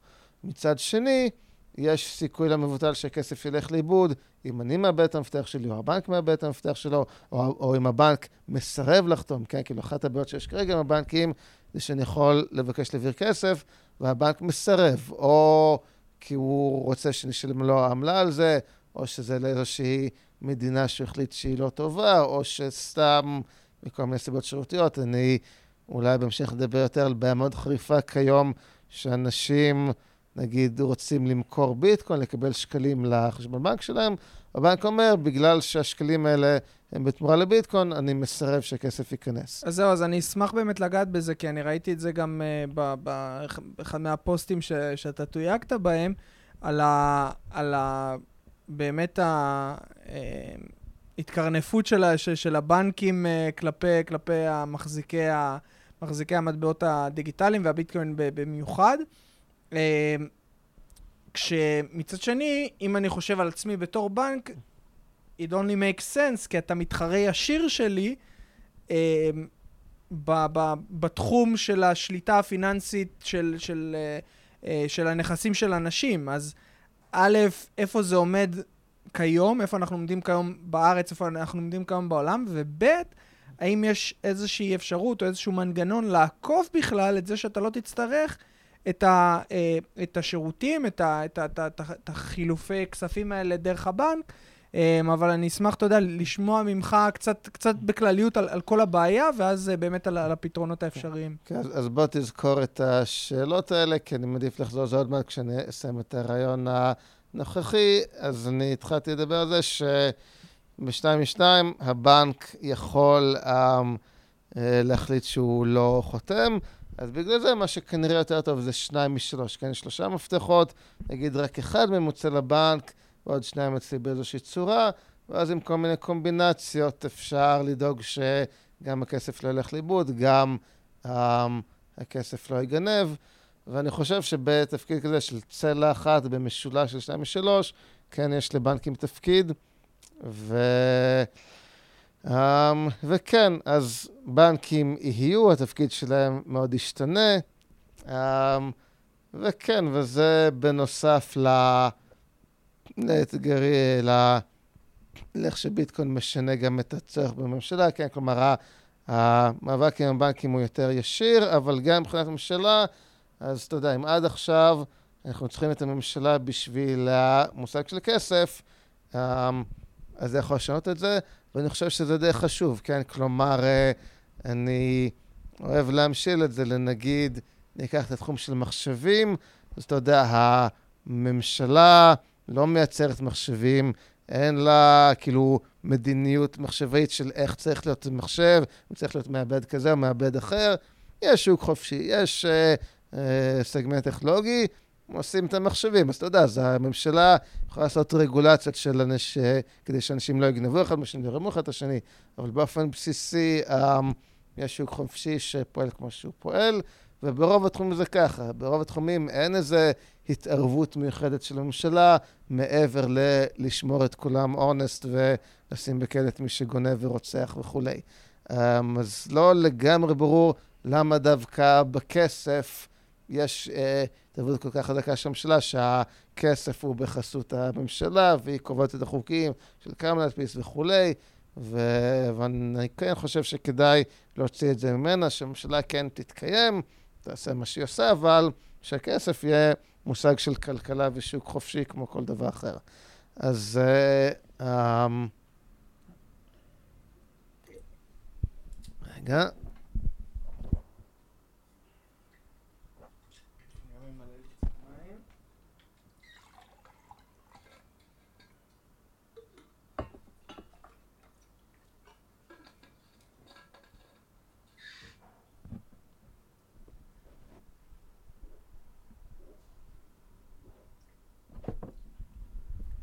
אוקיי, okay, אז בואו נדבר באמת על הבנקים. אז uh, קודם כל אני אתייחס למה שאמרת, שהביטקוין מהווה תחרות לבנקים, שזה, אוקיי, okay, א', זה נכון, ב', uh, אתה יודע, לאורך ההיסטוריה היו הרבה um, uh, גופים מסחריים ש... שפעלו בצורה מסוימת, ובאה טכנולוגיה חדשה שבאיזשהו מובן איימה עליהם. ואני חושב שכן ראינו משהו קורה שוב ושוב, שהגופים שניסו להילחם בטכנולוגיה החדשה הפסידו, הגופים שניסו לאמץ אותה ולראות איך הם משתמשים בה, הצליחו יותר. ו... וכן, ובעצם הרבה מהגופים בעצם שינו את הייעוד שלהם, כן? נגיד מישהו ש... שהתעסק ב... לא יודע, בדפוס של אה, עיתונים וכולי, אז לא נלחם באינטרנט וזה, אלא יש לו עכשיו גם אתר אינטרנט שבו יש את העיתון, וככה רואים בהרבה מקרים. אותו דבר גם פה, אני לא, למרות שכן ביטקוין מאוד מאתגר את הבנקים, אני לא חושב שכדאי להם להילחם בו, עדיף להם לאמץ אותו ולראות איך הם משתמשים בו ו, אה, ובעצם נותנים שירותים בכלכלה החדשה. עכשיו, דבר שלישי, בעיקרון, אה, אה, כאילו, אני אדבר בעיקר מה שקורה בישראל, למרות שזה דומה גם במקומות בעולם. אה, בנק אה, בישראל זה לא סתם עסק כמו כל עסק אחר. כן, אם אני סתם פותח עסק, לא יודע, חנות פלאפל, אז כאילו גם יש רגולציות, גם נגיד אם זה אוכל בעיקר דברים של תברואה וכולי, אבל ברמה הבסיסית זה עסק שלי, אני יכול לעשות בו מה שאני רוצה. עכשיו, בנק מקבל כל מיני סמכויות מיוחדות מהמדינה, ובגלל זה הוא מחויב לדברים מסוימים. כן, אז אחד מהמחויבות של, שיש לבנק זה לתת שירות. כן, אם אני בא ורוצה לפתוח חשבון בנק, לבנק אסור לסרב לי, כן? להבדיל מ... אמ, נגיד מוכר פלאפל, שאם בא לו, יכול לבוא לקוח ולהגיד לו, אני לא רוצה לתת לך שירות. זה מותר לו. אבל בנק, אסור לו לעשות את זה, כי שוב, כי יש כל מיני חוקים שנותנים זכויות לבנקים ובעצם מקטינים את התחרותיות של הבנקים, אז uh, בשביל זה, אז הבנק חייב uh, לתת שירות, גם אם לא הכי מתחשק לו. אז לכן, על פניו, uh, uh, כאילו, זה שהביטקוין מביא תחרות לבנקים, זה בעיה שלהם, חייבים לתת שירות, אין להם זכות להילחם בו. אבל יש גם עוד חוקים שקשורים למושג של הלבנת הון, שזה כאילו, אתה יודע, כן צורות בפני עצמו, אבל הראינו שיש um, יש מושג של הלבנת הון, והבנקים um, מחויבים לעשות כל שביכולתם בשביל למנוע הלבנת הון. ובמסגרת זה כן מותר להם למנוע שירות. כלומר, אם, אם אני בא ורוצה לפתוח חשבון בנק, אז אסור להם לסרב לי, אלא אם כן יש להם סיבה לחשוש שנשתמש בחשבון הזה להלבנת הון. אז זה um, כרגע uh, מה שהולך, כן? כלומר, uh, במקרה של פעולות שקשורות בביטקוין, um, אז uh, בהרבה מקרים הבנקים אומרים, זה סיכון גבוה להלבנת הון, אנחנו לא רוצים לתת שירות. וזה, וזאת שאלה, האם זה חוקי? זה לדעתנו לא, זה לא לגמרי ברור שלא, כי כאמור החוקי נגד הלבנת הון הם די נוקשים, אבל כרגע זה נראה שלבנקים יש מדיניות של אה, לאסור, או לפחות להקשות במידה רבה, כל דבר שקשור בביטקוין, רק מעצם זה ביטקוין. לדעתנו זה לא חוקי, כן, כאילו, כי זה לא שמדברים על לקוח מסוים, אומרים פה יש חשש להבנת הון, מדברים על תחום שלם ומדיניות נגדו, שזה לדעתנו לא חוקי, ולכן אנחנו תוקפים את זה בכמה כיוונים. אמ, אני כן אציין, אה, שכחתי מה אני רוצה לציין. אה, כן, שצריך גם לזכור ש... אמ, אה, שבנק זה לא גוף מונוליטי, כן? כלומר, יש בבנק הרבה בעלי תפקידים, הרבה מחלקות, לא תמיד במאה אחוז מסונכרנים על הכל. וכאילו, היו הרבה מקרים שראינו שמנהל סניף אישר לפתוח איזשהו חשבון, ואז הקצין ציות פסל את זה. ואני חושב שאנחנו למדים מפה שה... שהקציני ציות, שהם אלה שבדרך כלל אה, סוגרים את השלטר בתחום הזה, הם באמת מאמינים שהם פועלים אה, למנוע הלבנת הון, כמובן גם מתוך אינטרס שלהם, כן? כלומר, אם קצין ציות אישר משהו ואז זה בסוף נגרמה להלבנת הון, אז קצין ציות צריך אחרי זה לתת על זה דין וחשבון. אז אני לא אומר שהם אלטרואיסטים, כן מנסים גם לדאוג לעצמם, אבל מתוך בסיס של למנוע הלבנת הון באמת. אבל יש גם אה, בעלי תפקידים בבנק שהם לא קציני ציות, שהם... אה, גם אכפת להם הלבנת הון, אבל גם אכפת להם למנוע תחרות לבנק וכולי. ואני לא אתפלא אם כן יש איזושהי יד מכוונת שככה בעדינות דוחפת את הקציני ציות אה, לכיוון של אה, לאסור על ביטקוין, מסיבות של למנוע תחרות. אז אה, למרות שגם כאילו הסיבה הרשמית לחסימה של ביטקוין זה מניעת הלבנת הון, וגם אם מי שעושה את החסימה באמת ובתמים מאמין שעושה את זה בשביל למנוע הלבנת הון, כנראה שיש גם איזושהי יד מכוונת עם uh, שיקולים אחרים. אז עכשיו, אה, איפה, איפה אנחנו נמצאים מבחינת... אני, אני מבין שאתם כאיגוד הביטקוין פועלים בצורה של, של עבודה, עבודה בכנסת ו... ו, ו, ו עבודה אל אל מול הגורמים האלה, או דרך הממשלה אל מול, ה, אל מול הגורמים האלה. היום, עם מישהו שהוא, שהוא בעל, אה, בעל ביטקוין, האם יש אפשרות, או שזה נחסם כמעט אוטומטית? אז, אז תראה, זה, זה לא כמעט אוטומטית נחסם, כאילו, אני מעריך שזה בערך 50-50 כזה, כלומר, זה תלוי גם בבנק, גם בסניף, גם בסכום, גם בעוד כל מיני דברים. אמרת בסיס, כאילו גם, גם נראה לי יותר קל לקנות ביטקוין מאשר למכור ביטקוין, גם יחסית, כאילו, מה, אם כבר למכור ביטקוין, אז יותר קל אם היה לך כסף חשבון, בחשבון, קנית ביטקוין, אחרי זמן מה, מכרת ביטקוין לאותו חלפן, מקבל את הכסף לאותו חשבון בנק, זה בדרך כלל עובד יותר טוב, גם לא תמיד, אבל יש סיכוי יותר גבוה. ושוב, אז כאמור, זה לא, um, אתה יודע, זה לא אבוד מראש, אבל יש סבירות גבוהה שיחסמו אותך. אמ, אז כן, אז בעצם בהקשר הזה יש כמה כיוונים שאנחנו עובדים עליהם. כלומר, ברגע שראינו שהבעיה מחריפה, שזה כבר לפני שנתיים נראה לי, אז אנחנו um, בדקנו כל מיני אסטרטגיות מה לעשות עם זה, והדבר הראשון שהלכנו איתו זה משהו יחסית אה, קואופרטיבי, של בעצם לקדם רגולציה רלוונטית בתחום. כלומר, אף על פי ש... Uh, כרגע, לדעתנו זה לא חוקי מה שהבנקים עושים, זה לא לגמרי ברור, כי מה שהבנק יכול לטעון זה שאין רגולציה שמסדירה את כל העניין של מסחר בביטקוין, אנחנו לא יודעים מה קורה, יש את החלפן הזה שממנו מגיעים הכספים, אנחנו לא יודעים מה הוא עושה למנוע הלבנת הון, כל זה זה בסיכון גבוה, אנחנו לא רוצים להתעסק עם זה. זאת טענה שיכול להיות שלאנשים מסוימים תישמע הגיונית. אז לכן, קודם כל, אנחנו רוצים לשנות את המאזן הזה, ואנחנו רוצים שכן תהיה רגולציה ברורה um, על uh, חלפני ביטקוין, שצריכה להיות, uh, א', שתהיה כזאת שלא דרקונית מדי, שכן תאפשר פעילות בצורה נורמלית, מצד שני, שכן תגביל גם באמת את היכולת להשתמש בזה להלבנת הון, וגם את המראית עין של האם זה יכול לשמש להלבנת הון. ואז ברגע שזה יקרה, אנחנו חושבים שהתירוץ הזה של הבנקים יהיה הרבה יותר מופרך, ואז גם אם הם ישכחו להתעקש, אז, אה, אה, אז יהיה הרבה יותר קל אה, לסתור את הטענות שלהם. אז בהקשר הזה, אז בעצם קידמנו איזשהו צו איסור הלבנת הון שמלווה חוק פיקוח על שירותים פיננסיים. אני אולי אתן טיפה רקע, זה חוק שאם אני לא טועה, נכנס לתוקף ב-2016, או אושר ב-2016, אני כבר, יכול להיות שאני מתבלבל קצת בשנים. אה, לא, נראה לי הוא אושר ב-2016, נכנס בתוקף ב-2018, אלא אם כן מתבלבל לגמרי, אמ, שזה, כאילו זה חוק פיקוח על שירותים פיננסיים מוסדרים, שהוא מדבר בכלל על כל השירותים פיננסיים באשר הם ומה הרגולציה לגביהם.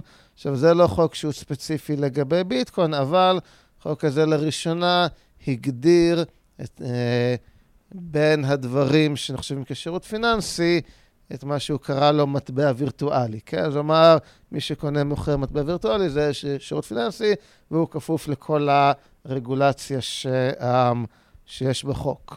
Um, וכן, um, אבל החוק עצמו לא מבהיר ספציפית מה, מה אמור לעשות uh, חלפן uh, ביטקוין, ולכן לחוק הזה יש צו איסור הלבנת הון שמלווה אותו, אז אנחנו uh, נתנו בעצם... הצעה לרשויות הרלוונטיות איך צריך להיות הצו הזה, והטיוטה הסופית שהם הגיעו מבוססת במידה רבה על האינפוטים שהבאנו.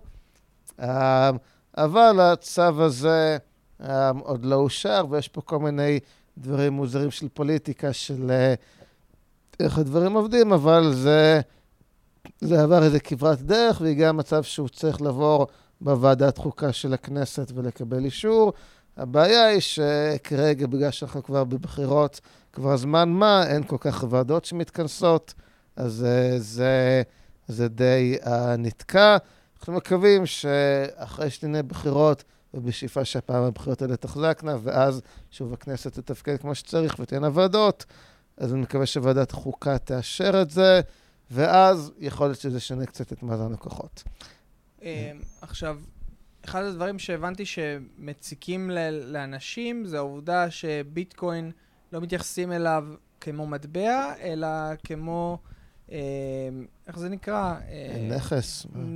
נכס, כן. ובגלל זה צריך לשלם עליו אה, מיסים נוספים. זאת אומרת, זה גם חלק מהפעילות שלכם? אז כן, אבל זה גזרה אחרת. כלומר, אני דיברתי על הגזרה של החסימות בנקים. נכון. שתיארתי כיוון אחד, ויש גם עוד שני כיוונים ש... בסדר, אני אגיד בקצרה שכיוון אחד זה... לנסות להבין רשמית מה מדיניות הבנקים ולתקוף אותה. כלומר, אנחנו uh, מנסים להראות שיש לבנקים מדיניות גורפת נגד ביטקוין, ואז לטעון שמדיניות כזאת היא לא חוקית. אז כרגע אנחנו מחכים uh, לקבל את התשובות האלה. יש כאילו, יש איזושהי עתירה שהגשנו ל- לקבל את המידע הזה, אבל זה, אתה יודע, זה כמובן תהליך. Um, עכשיו, בנוסף לזה, גם אנחנו um, בחרנו מקרה של לקוח שקיבל חסימה בבנק, שזה באמת המקרה הכי ברור שראינו, שזה כאילו כמו שתיארתי, בן אדם קנה ביטקוין, מכר ביטקוין באותה צורה, בנק חסם, אז אנחנו uh, מממנים עבורו את הטיפול המשפטי בלפעול נגד הבנק על החסימה הזאת, מתוך תקווה שזה ייצור איזשהו תקדים שאחרי זה יהיה יותר קל להתמודד עם מקרים דומים. אבל כל זה כאמור בגזרה של החסימות בנקים. יש גזרה אחרת שזה אה, מיסוי, ויש פה כמה עניינים. אה, אבל כן, אבל איך שלא יעזור, אוקיי, יש פה, אוקיי, יש פה באמת את שאלת המטבע מול נכס ושאלת התשלום מס. אז קודם כל אני אגיד שיש את הדבר הגדול, נקרא לזה, שזה מס רווחי הון. כן, בישראל מי שקנה משהו ומכר אותו ברווח, אה, כאילו השקיע וכולי, אז חייב ב-25% מס רווחי הון. אה, זה תקף לגבי כל דבר כמעט שאתה קונה. יש משהו שפטור מזה, וזה מטבעות. כן, אם קניתי 100 דולר ב-300 שקל, ואז מכרתי את אותם 100 דולר ב-400 שקל, אני לא צריך לשלם על זה מס רווחי הון, כי יש פטור מסוים על מטבעות, וזה רק במקרים מסוימים, כי זה אם אני אדם פרטי, ואם מה שמכרתי זה המטבע עצמו ולא נגזרות על המטבע וכולי, אז זה פטור. שזה איזושהי הקלה עשו, כי um, קודם כל כי הם הבינו שלהתחיל uh, לחשב מס רווחי הון על כל פעולות עם מטבע זה משהו ש... מאוד יקשה על התנהלות כלכלית. גם זה מתוך איזושהי הבנה שכל מטבע יכול לשמש כיחידה חשבונאית בפני עצמו, כן? כלומר, אם, אם מסתכלים בשקלים, אמ, אז אתה יודע, אז ש, שילמתי 300 שקל ואז קיבלתי 400 שקל, אז כאילו הרווחתי. אם מסתכלים בדולרים, אז קניתי 100 דולר ומכרתי 100 דולר, אז כאילו לא קרה כלום. ולמרות ש... השקל הוא המטבע העיקרי של מדינת ישראל, גם למטבעות אחרים יש איזשהו מעמד חשבונאי, וזה לא כזה נכון אה, לגבות אה, מס, כשמנקודת ההסתכלות של המטבע בעצם לא קרה שום דבר. אה, ו, וכמובן גם יש פה איזושהי הבנה שרוב המטבעות לא משתנים בערך שלהם בצורה כזו גבוהה, ככה שהמס שאולי היה אפשר לגבות לרווחים האלה, לא מצדיק את. כל ה-overhead הבירוקרטי. עכשיו, במקרה של ביטקוין, אז, אה, אז יש כמובן אנשים שקנו ביטקוין כשהשער שלו היה נמוך, מכרו כשהשער היה גבוה, כאשר נמוך וגבוה לצורך זה, זה, זה יכול להיות פי מיליון, כן? אם זה התחיל באיזה רבע סנט ועכשיו זה עשרת אלפים דולר, אוקיי, כי התחיל באפס, כן? אבל היה רבע סנט כשהתחילו לדבר על מחיר, אז זה פי ארבע מיליון. אז עבור אנשים מסוימים יש פה רווחים לא מבוטלים בכלל. אז יש כאלה שאומרים, ביטקוין הוא מטבע, מטבע פטור מס רווחי הון, לא צריך לשלם על זה מס. עכשיו זה, um, אמ, כמובן, כאילו, הרבה אנשים היו מאוד שמחים אם זה מה שהיה קורה, וזה בעייתי מכמה סיבות. קודם כל, החוק בישראל, יש לו הגדרה למה זה מטבע, ויש כל מיני סעיפים לחוק הזה. לא לגמרי ברור שביטקוין עומד בהגדרות האלה. מעבר לכך, גם אם ביטקוין תואם את, לשון החוק למה זה מטבע, קשה לטעון שהוא תואם את רוח החוק אה, בפטור הזה ממס, כי הרי הפטור הזה ניתן בשביל לא ליצור אה, בירוקרטיה יותר מדי גדולה בפעילות כלכלית עבור מס שכנראה יהיה די זניח בכל מקרה.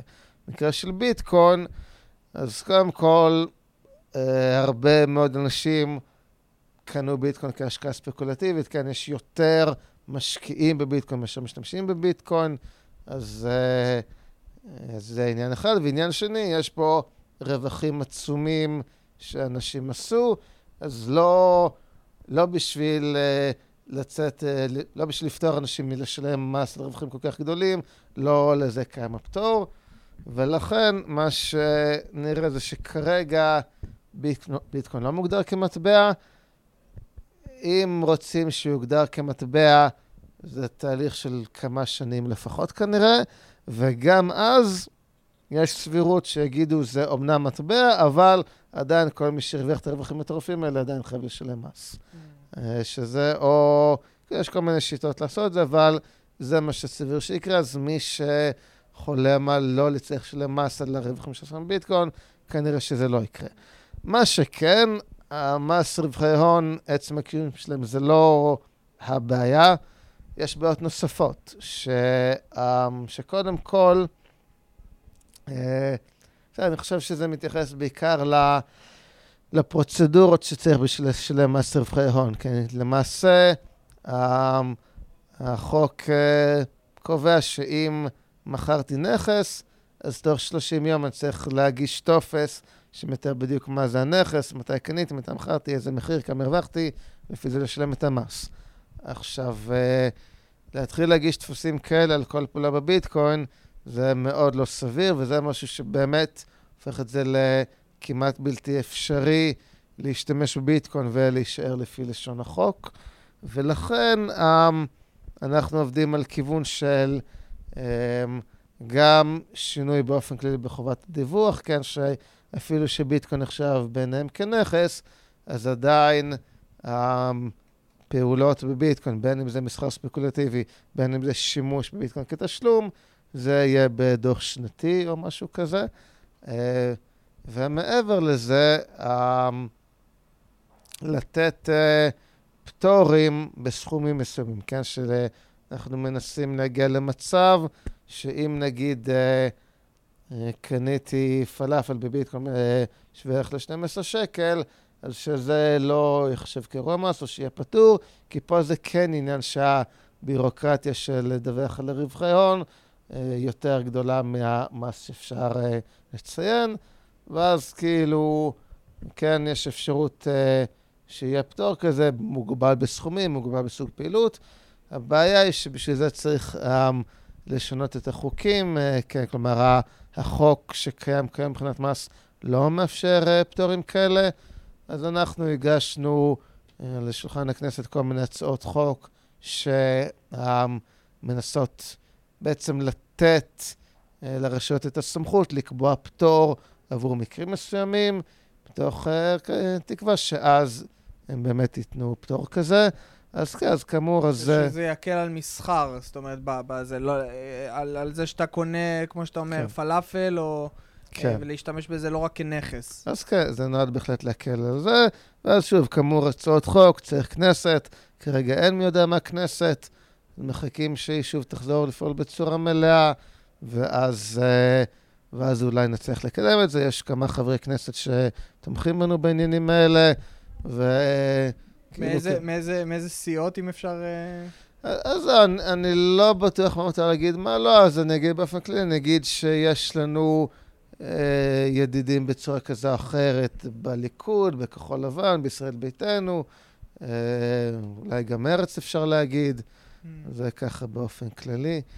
אה, כן. עכשיו, אם אנחנו אה, מסתכלים על, על כל הנוף הזה של, ה, של המטבעות הדיגיטליים, אנחנו באמת מרבים לדבר על הנושא הזה של ביטקוין, אבל נוצר מצב שיש היום כמה, כמה מטבעות? תלוי איך סופרים, אבל בטח כמה מאות או אלפים. כמה מאות או, אל, או אלפים של, של, של מטבעות. אנחנו ב, באיזושהי אינפלציה של מטבעות לפי דעתך? האם, האם המטבעות האלה עם הזמן ייעלמו והביטקוין הוא, הוא זה שישרוד? או מה, תן לי קצת איזשהו overview על, על כל העולם הזה של המטבעות הדיגיטליים אה, אה, בכלליות.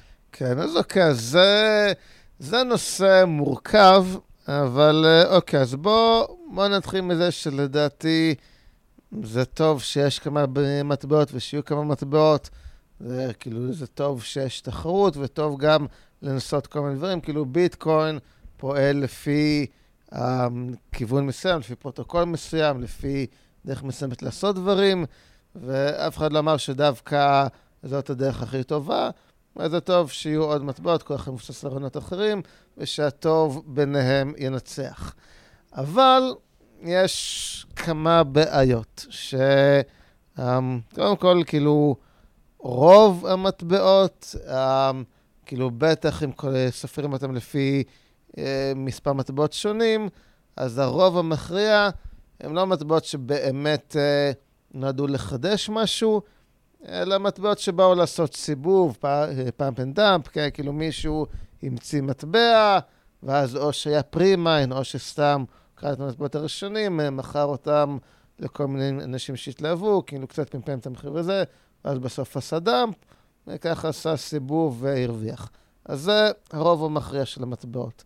אמ, עכשיו, אה, יש אה, מטבעות שכן נוצרו מתוך איזשהו, איזושהי כוונה לחדש משהו, אבל שלא אמ, לא בא ממניעים לגמרי טהורים.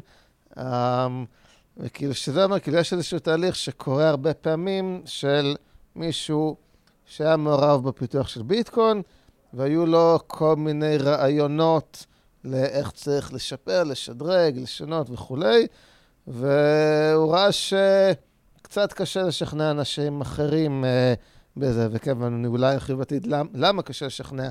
אבל הוא... ואיך מתבצע בעצם הפיתוח הזה של הביטקוין, כאילו, אז, זה גם משהו... אז, זה... אז כן, אז אולי נתייחס לזה, אבל בעיקרון מישהו בא, היו לו כל מיני רעיונות, הוא לא קיבל את, ה, את התגובות שהוא רצה, ואז הוא אמר, uh, בדומה לבנדר, בסדר גמור, לא צריך את המטבע שלכם, אני, אני אלך לעשות uh, מטבע משלי. וזה, כן, ובעצם זה, אז יצא מטבע חדש, שה... אמ, עם השינויים האלה, ו... וכן, וזה משהו ש...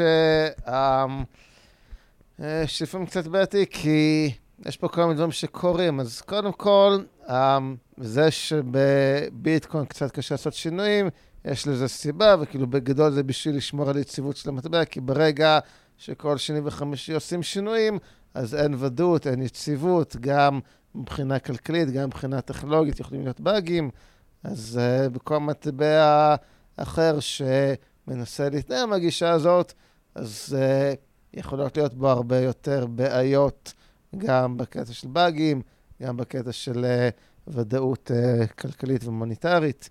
Uh, וגם, וזה יוצר איזשהו... Um, um, אפשר לומר שבהרבה מהמקרים, לא יודע אם כולם, אבל בהרבה זה איזשהו נובע מתוך אה, סוג של מגלומניה של יוצר, או לפחות אה, רצון להוביל במקום לשחק יפים אחרים, שזה לא משהו שאנחנו רוצים, כן, במיוחד בגלל שזה מטבע מבוזר וכולי, אנחנו רוצים שיהיה פה שיתוף פעולה של הרבה גורמים שונים, לא איזה מטבע שמוביל אותו איזה מישהו מסוים לפי החזון שלו, כי אז זה נותן לו הרבה שליטה.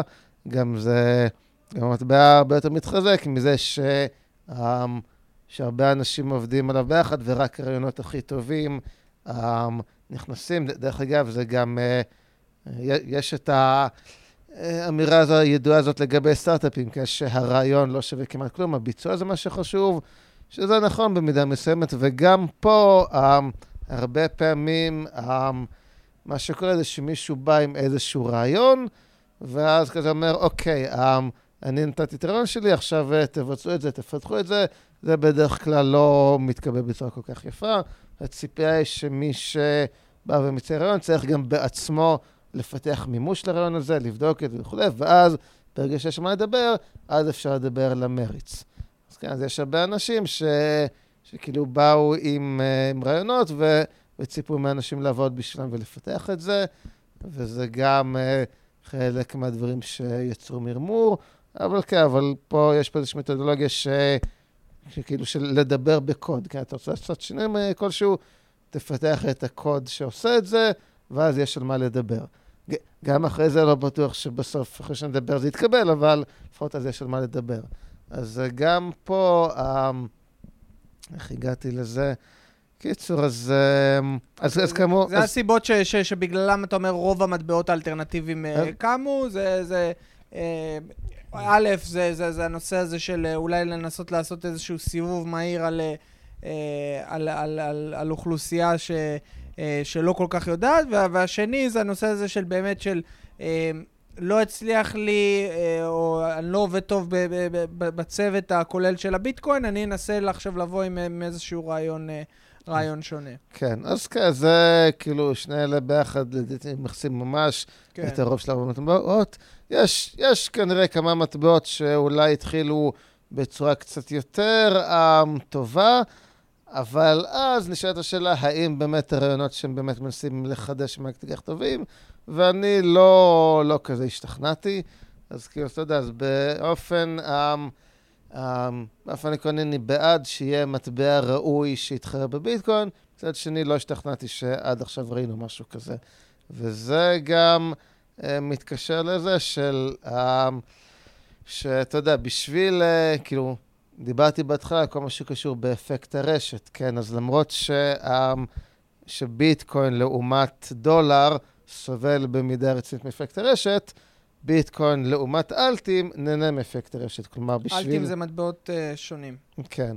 כלומר, שאם יש איזשהו מטבע אלטרנטיבי כזה שרוצה לגבור על ביטקוין, הוא לא צריך להיות ב-10% יותר טוב, הוא צריך להיות פי 10 יותר טוב.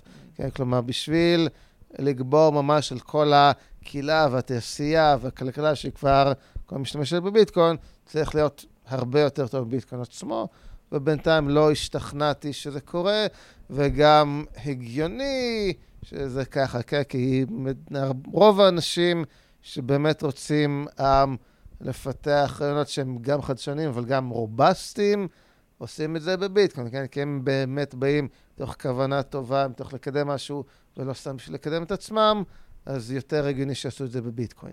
כן, עכשיו, מה זה הפיצול הזה ש, שנוצר מביטקוין, של ביטקוין וביטקוין קאש? זה, זה, זה שאלה אחת, ושאלה שנייה זה באמת הנושא הזה של איך מתבצעים השינויים, זאת אומרת, מי מבצע את השינויים בקוד, האם זה צריך להיות מאושר על ידי ועדה, על ידי, על, על, על ידי דברים כאלה, איך באמת, איך באמת ה, ה, ה, המנוע הזה מאחורי הקלעים בעצם כן. פועל. אז אוקיי, אז אני אתייחס קודם לשאלה השנייה. אז למעשה, אמ, קודם כל חשוב לזכור פה שיש יש כמה רמות למה זה ביטקוין. עכשיו, אה, רגע. אז אתה יודע מה, אנחנו נעשה איזה הפסקה קצרה, שאני גם ארוץ uh, לשירותים, ואנחנו כבר נמשיך. אוקיי, בסדר גמור. טוב, אז חזרנו. Uh, אז התחלנו באמת uh, לדבר על ה... מצד אחד על הנושא הזה של הפיצול, של ביטקוין, מה זה אומר, ומצד שני, על איך בעצם התהליכים של הפיתוח, של כל הדברים האלה מתרחשים בבקראונד, האם זה, יש איזושהי ועדה, מה קורה שם מאחורה. כן. אז הבמה שלך. כן, אוקיי, אז אני אתחיל מהשאלה השנייה, כי נראה לי יותר קל להבין את השאלה הראשונה אחרי השנייה. הבעיה שזה נושא שכאילו קצת קשה לענות עליו ולהסביר אותו, כי זה משהו יחסית מורכב, כי אני חושב שאולי פה um, רלוונטי הציטוט של מורפיוס, שאי אפשר לספר למישהו איך ביטקוין עובד, צריך לראות את זה בעצמך. וגם יש ציטוט של פון ניומן, אני חושב, אם לא התבלבלתי, שאומר שבמתמטיקה לא מבינים דברים, רק מתרגלים אליהם. אז, אז אני חושב שאותם דברים מתייחסים גם פה. אני כן אנסה איכשהו להגיד שאני אתחיל מהחלק היותר קל, שזה הפרויקט תוכנה שנקרא ביטקון קור, שזה...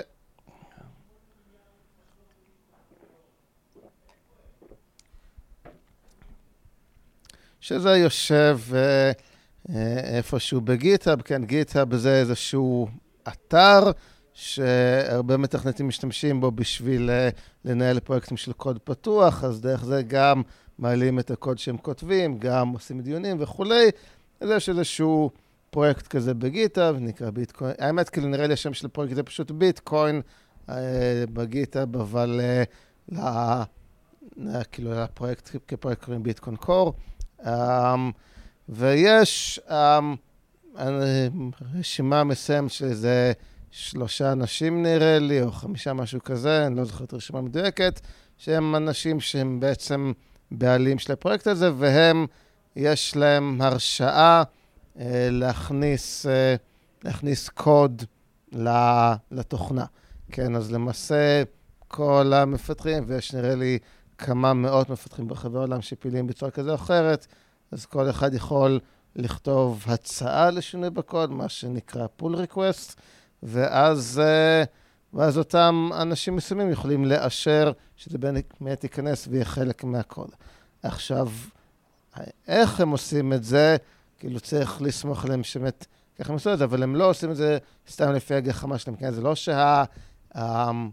נגיד חמישה אנשים האלה, לא שהם מחליטים מה ייכנס ומה לא, אלא הם רק מסתכלים האם יש קונסנזוס בין המפתחים. כלומר, יש כל מיני מקומות, גם ב GitHub עצמו, גם ב-IRC, ב mailing list, ששם מנהלים כל מיני דיונים. אז אם יש איזשהו pull request כזה, שרואים שיש um, הרבה, כאילו שהרוב מסכימים ואין כמעט מישהו שמתנגד, אז אומרים, אוקיי, בסדר, יש קונסנזוס, מכניסים. כן, אבל שוב, צריך לזכור, זה לא, ש... לא שמנהלים הצבעה ביניהם, וזה לא שאם לא מגיעים להחלטה, אז אומרים לה... אה, למיינטיינרים האלה, אוקיי, תחליטו אתם, זה ממש לא העניין. הם רק עושים את התפקיד הטכני של להסתכל האם יש קונסנזוס בעד, ה, אה, בעד השינוי הזה, ואם כן, אז הם לוחצים לכפתור שמאשר אותו. עכשיו שנייה, רק שאלה פה, האם, האם יכול תיאורטית להיות להם, האם יש להם יכולת לנצל לרעה את הסמכות שלהם מבחינה, עוד פעם, תיאורטית, סביר להניח שלא, אבל האם זה משהו שהוא אפשרי? אז כן, בהחלט כן. וכאן נכנס, נכנסת שכבה נוספת, שכאמור, זה הפרויקט ביטקוין קור מנוהל בצורה מסוימת, שזה כאמור קונצנזוס גס בין מפתחים, וכמה מנטיינרים שיש להם הרשאה אה, לעשות משהו ברגע שאומרים קונצנזוס. וכרגע, רוב מה שאנחנו קוראים לו ביטקוין זה זה רשת מחשבים שמריצה את התוכנה הזאת של ביטקון קור, ולמעשה, כאילו, כשמישהו אומר, יש לי ביטקוין, זה אומר בעצם שבכתובת מסוימת יש ביטקוינים ששייכת לי, כפי שרואה צומת שמריץ ביטקוין קור. כן, אני אגיע ל... לביקש עוד מעט, אבל יש נגיד גם צמתים שמריצים ביקש, אז אם אני אומר, יש לי ביטקוין, אז צומת של ביקש יסתכל על הכתובת הזאת ולהגיד, לא, מה פתאום, אה, אין פה ביטקוין. אבל מה שמעניין אותי זה לא מה צמתים של ביקש אומרים, אלא מה אומרים צמתים של ביטקוין, שכאמור התוכנה מובילה זה ביטקוין קור, ולמעשה כל עוד יש הסכמה בין הצמתים אה, שתורמים את הפרוטוקול שיש לי ביטקוין, אז יש לי ביטקוין, ואם יש הסכמה בין הצמתים שהעברתי לך ביטקוין, אז העברתי ביטקוין וכולי. לכן הכל בסוף נשאל, מה אומרים כל הצמתים האלה שמריצים אה, ביטקוין קור. מה או... זה רק צמתים? רק בשביל אוקיי, ש... אוקיי, אוקיי, אז צומת זה מחשב שבעצם הוא, הוא חלק uh, מן המניין מרשת של ביטקוין, כלומר, יותר um, קל להגיד מה צמתים עושים מאשר מה הם, okay. אוקיי. אבל צומת זה מחשב ש...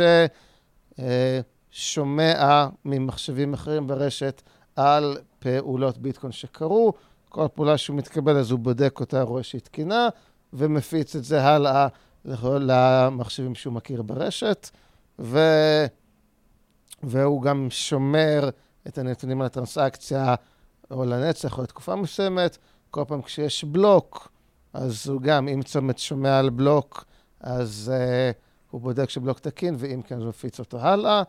עכשיו, uh, עכשיו, אם, uh, עכשיו, אם אני רוצה uh, לשלם ביטקוין, אז בעצם ליצור טרנסקציית ביטקוין, אז הטרנסקציה הזאת תתחיל באיזשהו צומת, כלומר, או צומת שאני מפעיל בפני עצמי, או שאני מתחבר לצומת של מישהו אחר ודרכו מפיץ את הטרנסקציה, ואז הוא מפיץ את זה הלאה. וכנ"ל, אם אני קורא שמנסה למצוא בלוקים, אני משתמש באיזשהו צומת בשביל, um, uh, בשביל לבנות את הבלוק. ואז ברגע שמצאתי... מה זה בלוק רק? אז אוקיי, אז בלוק זה בעצם, um, זה אסופה של טרנסקציות ביטקוין, כלומר, למעשה זה, זה פיסת מידע שמכילה מידע על כמה וכמה טרנסקציות ביטקוין, והאסופה הזאת מכילה גם משהו שנקרא הוכחת עבודה, שזה אומר בגדול שביצעתי עבודה חישובית. כלומר, אני אוכל אה, ליצור בלוק רק אם ביצעתי כמות מסוימת של עבודה חישובית, ו, וזה חלק מהתהליך של איך בעצם אה, מערכת הביטקוין שומרת על סדר, כי לא, לא דיברתי בכלל על כל העניין של אה, ניצול כפול וכל הדברים האלה, אבל היה... בעצם הסיבה ש... שלא הצליחו להמציא משהו כמו ביטקוין לפני שהיה ביטקוין, זה כי לא ידעו איך לפתור בצורה מבוזרת בעיה שנקראת ניצול כפול, שזה בעצם לקחת מטבע דיגיטלי ולנסות לשלם איתו פעמיים, וזה בסופו של דבר מגיע לשאלה של איך, אה, איך שומרים על סדר ברשת מבוזרת עם הרבה מחשבים שהם בלתי תלויים זה בזה. והדרך שסטושי מצא זה שלמעשה כל צומת ברשת יכול להצביע מה לדעתו סדר הפעולות שקרה, וההצבעה הזאת משוקללת לפי הכוח החישובי שהוא, אה, שהוא הקדיש לזה. אז בעצם היחידות האלה של הוכחת עבודה חישובית זה הבלוקים, ונראה לי זה כל מה שאני אגיד על זה, כי okay. אוקיי. להיכנס יותר זה ממש בסדר. טכני. אבל כן, אבל קיצור, אז כמו זה צמתים הם אלה ש, um, שמפעילים את הרשת, והם מחוברים בצורה ישירה לרשת הזאת, ולמעשה הצמתים הם אלה שקובעים בעצם מה הפרוטוקול, כן? כי אם, אה, נגיד, נגיד סתם לדוגמה, למה אי אפשר ליצור יותר מ-21 מיליון ביטקוין? כי אם תהיה טרנסאקציה או בלוק או משהו שאיכשהו יצרו ביטקוין מעבר להקצאה אה, ראויה, אז כל צומת שרואה את זה יגיד, מה זה, הטרנסאקציה הזאת לא תקינה, אני לא מפיץ אותה, אם מישהו שואל אותי, אני אגיד לו שהטרנסקציה הזאת לא קיימת, וזהו.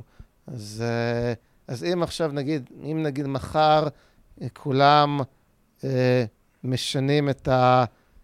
רגע, טוב, באמת זה מתקשר קצת לנושא אחר שרציתי להגיד, אבל אם, אוקיי, אם לצורך העניין כולם היו מפעילים בתור צומת תוכנה ש... שכן אומרת, וואלה, זה סבבה ליצור יותר מ-21 מיליון, אז זה מה שיהיה, כן, אם כל הצמתים אומרים שזה זה, אז זה מה שיהיה. אז עכשיו, אז זה, um, אמ, זה בדיוק מוביל לנקודה, ש, שמה שיקבע את החוקים של ביטקוין זה מה מריצים הצמתים שבעצם מחזיקים את הרשת של ביטקוין. אם כל הצמתים פועלים לפי פרוטוקול שיש עד 21 מיליון ביטקוין, זה מה שיהיה. אם כל הצמתים מפעילים פרוטוקול אחר, שנגיד יש 100 מיליון ביטקוין, אז זה מה שיהיה. וכמובן יש גם פרטים יותר ספציפיים של איך בדיוק הפרוטוקול ואיך אה, בניית טרנסקציה וכולי.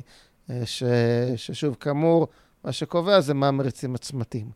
עכשיו, אמ, פה נשאלת השאלה, אמ, כן, אמרתי מה מריצים הצמתים, אבל צמתים זה רבים, כן? יש יותר מצומת אחד, ותאורטית כל אחד יכול להריץ תוכנה אחרת.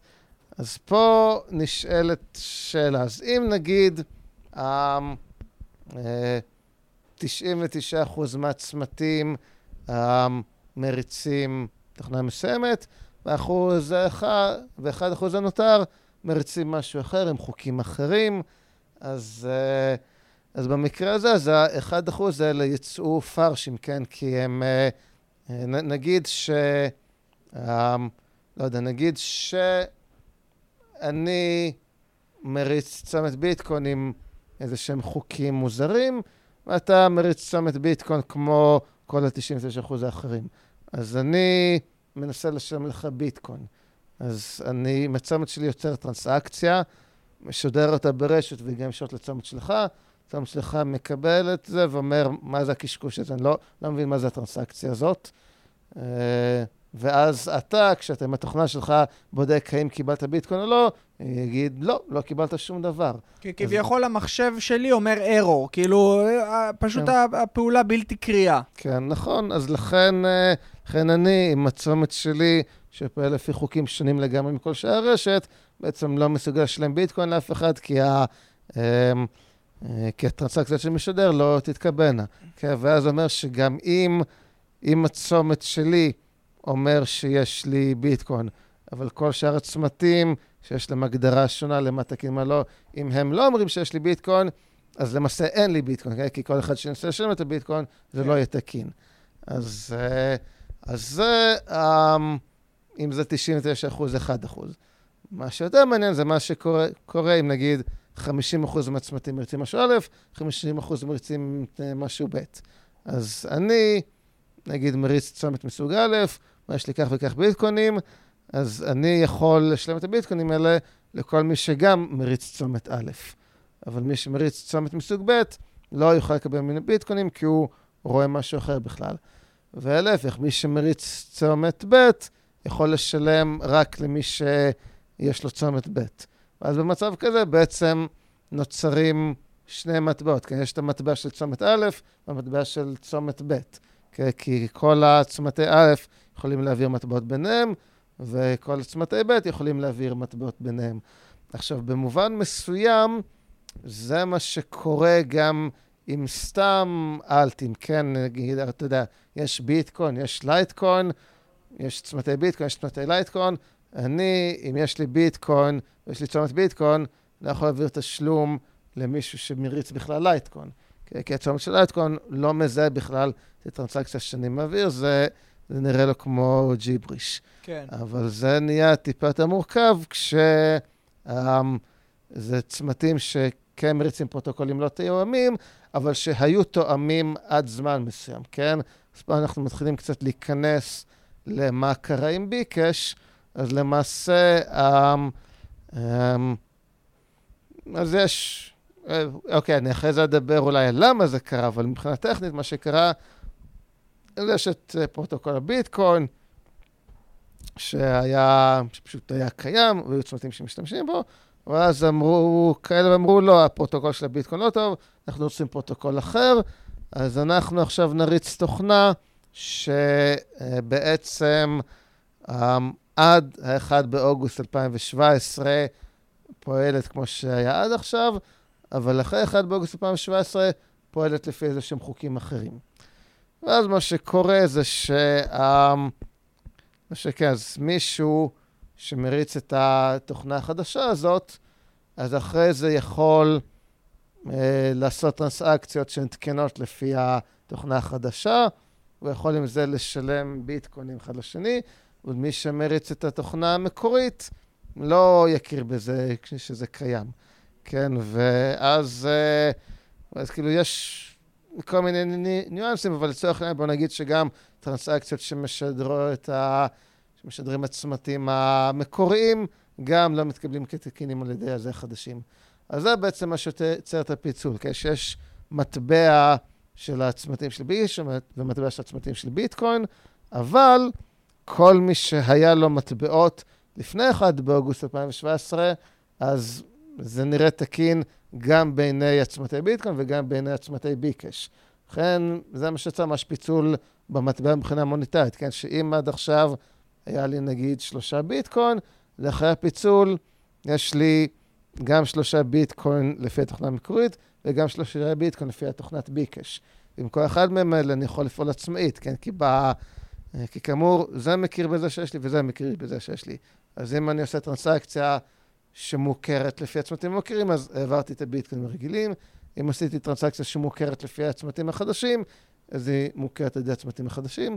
ככה בעצם... וזה, נות... לא, וזה לא יגרום למצב הזה שאמרת של ה double... אה, אז, אה, אז, אז תראה, אז double spending, תראה, יש פה שאלה טכנית של איך בדיוק ממשים את זה, אבל ברמת העיקרון לא, כי, כי בטח אחרי שזה עובר מספיק זמן, אז המטבעות הם די מופרדים. אמ, כאילו אפשר להתפסף על זה, אבל בעיקרון מבחינה הזאת זה אמור להיות בסדר. Mm-hmm.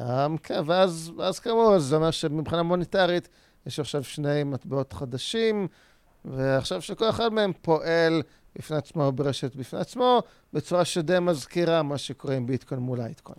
ו- וזה קרה בגלל שהגענו למצב של כמעט 50-50 עם uh, אנשים שרצו רצו, uh, סוג אחד לעומת אנשים ש- שרצו או הריצו סוג אחר? אז כן, זה מספיק קרוב, אבל כן, כאילו כנראה שבפועל זה לא היה באמת 50-50, אלא נגיד 90 אחוז, 10 אחוז. וה-10% האלה היו מספיק עיקשים, אז כן, אז אמרו, למרות שאנחנו רק 10%, אנחנו כן uh, רוצים איזשהו מטבע משל עצמנו, למרות שהרבה מהם לא ראו את זה ככה, כן? הרבה מהם חשבו שברגע שהם עשו את השינוי הזה, כולם ילכו אחריהם, שזה היה ברור שזה לא יקרה, וגם בדיבה אנחנו רואים שזה לא קרה, אז כן, הם נשארו ה-10% שלהם, 90% נשארו עם הזה שלהם, וכן, זה גם, פה גם חשוב להגיד, שכשאני מדבר על אחוזים, הכוונה היא לא לאחוזים במובן של מספר הצמתים. כן, אני יכול מחר להרים מיליארד צמתים, זה לא ישנה שום דבר. מה שמשנה זה הכוח הכלכלי מאחורי הצמתים האלה, mm. וזה um, נובע, אני חושב, במידה רבה מבורסות, כן? הרי בסופו של דבר, אחד הדברים שנותנים למטבע ערך זה שאני יודע שאני יכול להמיר אותו תמורת מטבעות אחרים.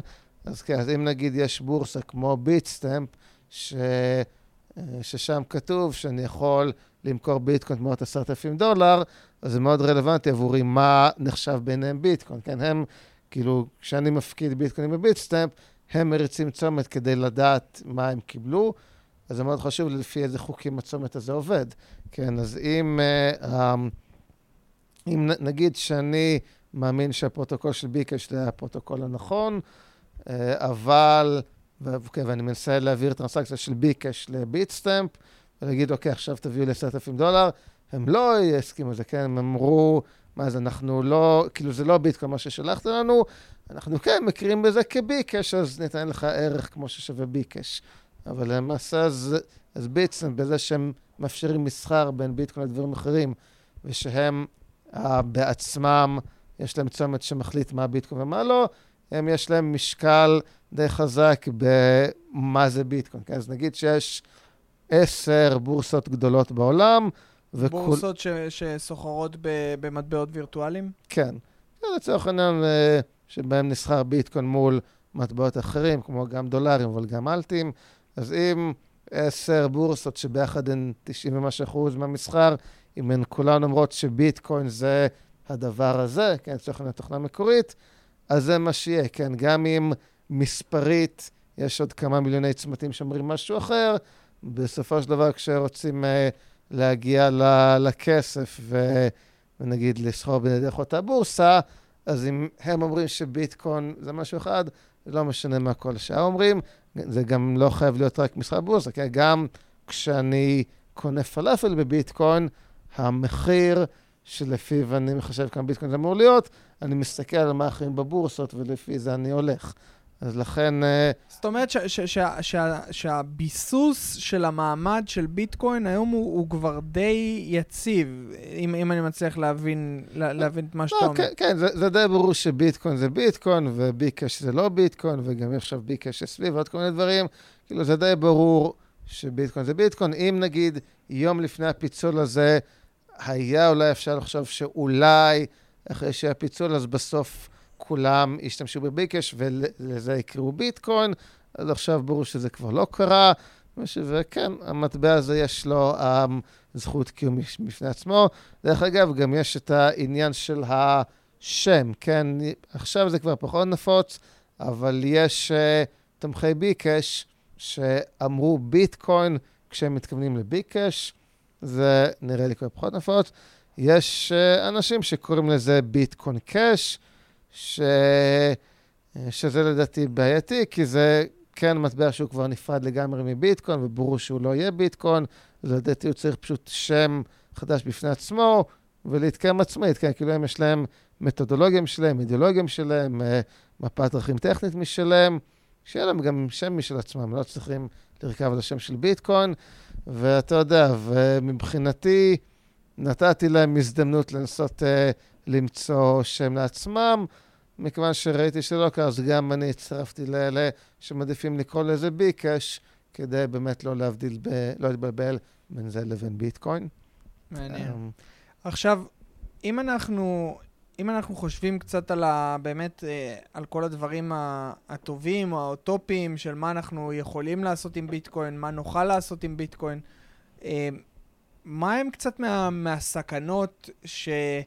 אה, א', הביטקוין עצמו עשוי לחוות, וב', אני כמשקיע פוטנציאלי צריך לשאול את עצמי או, או, או, או, או לחקור לפני שאני מבצע איזושהי החלטה ספקולטיבית, כי אני חושב שביטקוין יעלה לרבע מיליון או מיליון דולר או מה שזה לא יהיה. אוקיי, אני אתחיל עם השאלה השנייה שהיא יותר קלה. אז בעיקרון, בתור מישהו שבא לשקול להשקיע בביטקוין, הסיכון העיקרי שלך זה שיכול להיות שכולנו טועים, ושכל מה שמעתי זה קשקוש, וביטקוין זה גרוע, ומחר עוד שנה לא יודע מה, הכל יקרוס ברגע שאנשים מבינו שאין בזה כלום. זה משהו שה... שהסיכוי יחסית קטן, אבל סיכוי קרי גם, אתה יודע, זה גם לא חייב להיות אבסולוטי, כן? יכול להיות ש... שכאילו, שעדיין יהיה איזשהו שימוש ביטקוין, שכבר יהיה ברור שזה משהו נישתי לגמרי, ו, ואף אחד אה, לא, כאילו זה לא יתפוס משהו רציני, כאילו, ותחשוב על זה שה, שהרעיון של ביטקוין מבוסס בעיקר על הספקולציות לעתיד, כן? אה, הם חושבים שביטקוין 7,000 דולר, כי חושבים שיש סיכוי שבעתיד הוא שווה מיליון דולר. אם מתישהו איכשהו הדעה הרווחת תהיה ש... שאין שום סיכוי שזה יקרה, כן, ביטקוין הוא איפשהו היום והוא או ישר או ירד, אז השער שלו ירד למשהו שיותר תואם את ה... כמה שהוא בשימוש עכשיו, שזה יכול להיות אפילו אלף דולר או מאה דולר.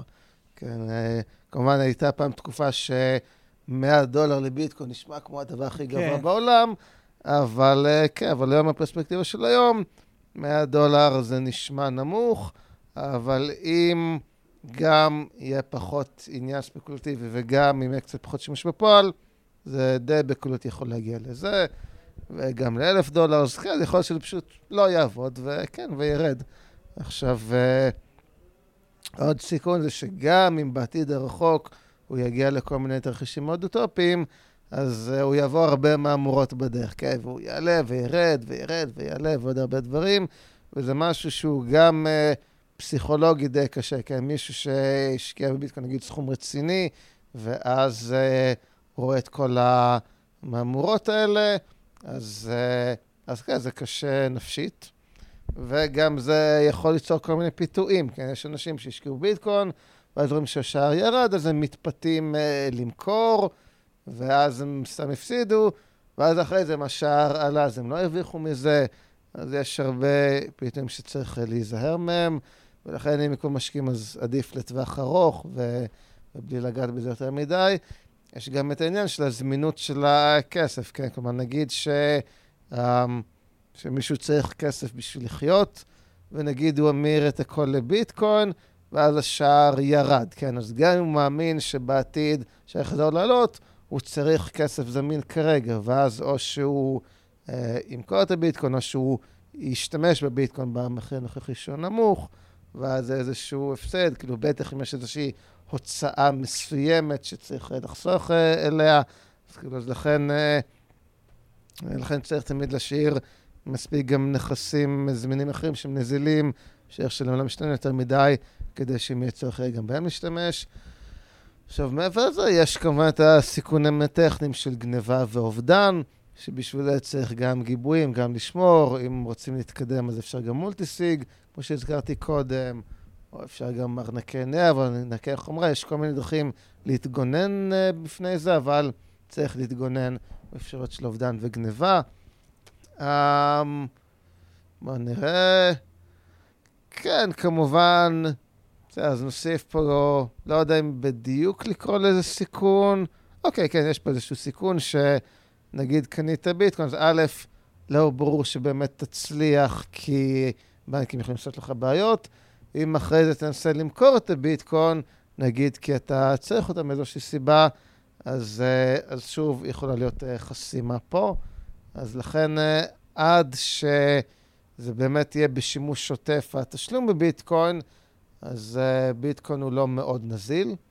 למרות ששוב, מבחינה מסחרית ומבחינת השוק, ביטקוין נזיל מאוד, אבל מבחינת הרגולציה ובנקים וכל זה, יש פה בעיות נזילות. אז כן, זה, אני חושב, הסיכונים העיקריים עבור משקיע. כן. מבחינת ביטקוין עצמו באופן מערכתי, אמ, אז אוקיי, אתה... אז, אז רגע, בואו נכוון את השאלה, כי יש פה שני דברים אפשריים. האם אתה שואל על סיכונים שיגרמו לביטקוין לא להצליח, או סיכונים שאם ביטקוין יצליח, אז הוא יגרום לסיכונים? אה, לא, למרות שזו גם שאלה מעניינת, אבל uh, בין אם זה, אתה יודע, קוואנטום קומפיוטינג ופתאום פרצות אבטחה מצד אחד, מצד שני, uh, uh, אם, אני לא יודע מה, דיברת על זה שיש שלושה עד חמישה אנשים ש, ש, שיכולים... שיכולים אה, אה, אה, לשנות, שיש להם הרשאה לשנות את הקוד בגיטאב, או, או אני לא יודע מה, או שמטאור נופל ו- ו- ו- ו- ו- וכל הדבר הזה הוא ספק... אני לא יודע. אז, אז כן, אוקיי, אז קודם כל טוב שהזכרת לי כמה ששכחתי להגיד, לגבי החמישה אנשים עם ה-commit access, אז כן, תאורטית הם יכולים to go rogue, מה שנקרא, ולהתחיל לעשות שטויות בשביל, ל- לא יודע, ליצור עצמם מטבעות, לא יודע מה, אז הם יכולים לעשות את זה, והם יכולים לשנות את הקוד שבתוכנת ביטקוין קור שנמצאת שם בגיטאב. מה שהם לא יכולים לעשות זה לגרום למישהו אחר להריץ את התוכנה שהם כתבו. כאילו, הם יכולים לכתוב איזה תוכנה שהם רוצים, אבל בשביל שזה ישנה את ביטקוין, צריך שאנשים שמפעילים צמתים, שהם יפעילו את התוכנה החדשה הזאת. עכשיו, התוכנה היא כמובן קוד פתוח, ומי שעושה קצת due diligence מקמפל את התוכנה מתוך הקוד הפתוח, כך שהוא יודע בדיוק מה התוכנה עושה. אז אם המפתחים האלה צריכים לפעול באופן זדוני ועשו שינויים, א', לא לפי הקונצנזוס הגס, ב', שבאופן אה, ספציפי uh, מזיק איכשהו, אז כל מי שמסתכל על זה יכול לראות את הקוד ולהגיד, טוב, האנשים האלה השתגעו, אסור יותר להשתמש בתוכנה הזאת, וכמובן הידיעה הזאת תפוץ די מהר, ואז uh, כל האנשים שמריצים צומת, uh, א', לא הריצו את התוכנה החדשה שהם כתבו, וב', או שיישארו עם מה שקיים, או יהיה איזשהו פרויקט אחר ש... שמפתח את זה לפי העקרונות הנכונים, כן? אז... ויש אז אפשרות למש... להדיח אותם, אגב, מתפקידם, אפ... האנשים האלה? אפשר uh, לעשות פרויקט אחר, כלומר, מבחינת בתוך גיטהאב, ברפוזיטורי מסוים הזה, כנראה שאי אפשר להדיח אותם, אבל אפשר ליצור פרויקט חדש עם רפוזיטורי חדש, ולהתחיל לפעול פה, כן? זה סוג של הדחה ברגליים, כן? בעצם זה שאני מריץ צומת לא את מה שהם כתבו, אלא מה שמישהו אחר כתב, זה בעצם איזשהו סוג של הדחה. וכמובן ששוב, מי שישפיע פה זה הרוב הכלכלי, כן? זה שאדם פשוט כמוני יפעיל צומת כזה או אחר, זה לא מה שייצור שינוי. אבל אם עסקים גדולים, חלפנים, אה, נותני שירותים, כל הדברים האלה, אם הם יבינו שהצוות הזה סרח ושצריך לעבור לתוכנה אחרת, אז uh, זה מה שיקרה. ו, ואם נגיע לזה, אז לא תהיה מזה בעיה, כן? כלומר, זה די ברור לראות מתי מישהו עשה דברים זדוניים כאלה. וכן, אז אתה יודע, כמובן, עדיף שזה לא יקרה, אבל אם נגיע לזה, אז יש, um, יש מה לעשות, כי כאמור, זה לא שהמינטנרים האלה, זה לא שהם שולטים בביטקוין, הקהילה והכלכלה והתעשייה והמשתמשים הם אלה ששולטים כן. בביטקוין. כן. כן, אז, אז הסיכון הזה זה לא בעיה. עכשיו אני אגיד, אמ, אמ, אוקיי, מבחינה, אז יודע מה, אני אדבר על סיכונים משלושה כיוונים, אמ, כלכלי-חברתי, רגולטורי וטכנולוגי. מבחינה טכנולוגית, אה, אין הרבה סיכונים. נגיד, הזכרת מחשבים קוונטיים, זה משהו שאם באמת נראה, יהיה לזה השפעה, אבל uh, זה לא משהו הרסני, כלומר, אפשר, uh, um, אפשר להתגבר על זה, כאילו אפשר לעשות שינויים בפרוטוקול שיהיו עמידים למחשבים קוונטיים, ו... Uh, וגם הרבה דברים אחרים, זה גם לא בעיה. יש קטע אחד שהוא כן קצת בעייתי, שזה כל מה שקשור בתגמול לקוראים ובאבטחה של הרשת מפני... אה, מפני התקפות, שפה זה מתייחס בדיוק למה שסטושי חידש פה, כן? סטושי אמר שיש הצבעה לפי כוח חישובי, וכל עוד רוב הכוח החישובי ברשת הוא ישר, אז לא תהיה בעיה. העניין הוא שאם יש תוקף שמצליח לאגור יותר כוח חישובי משל כל שאר רשת התקינה, יש כל מיני תקפות שהוא יכול לעשות. עכשיו, זה יכול להיות שיקרה.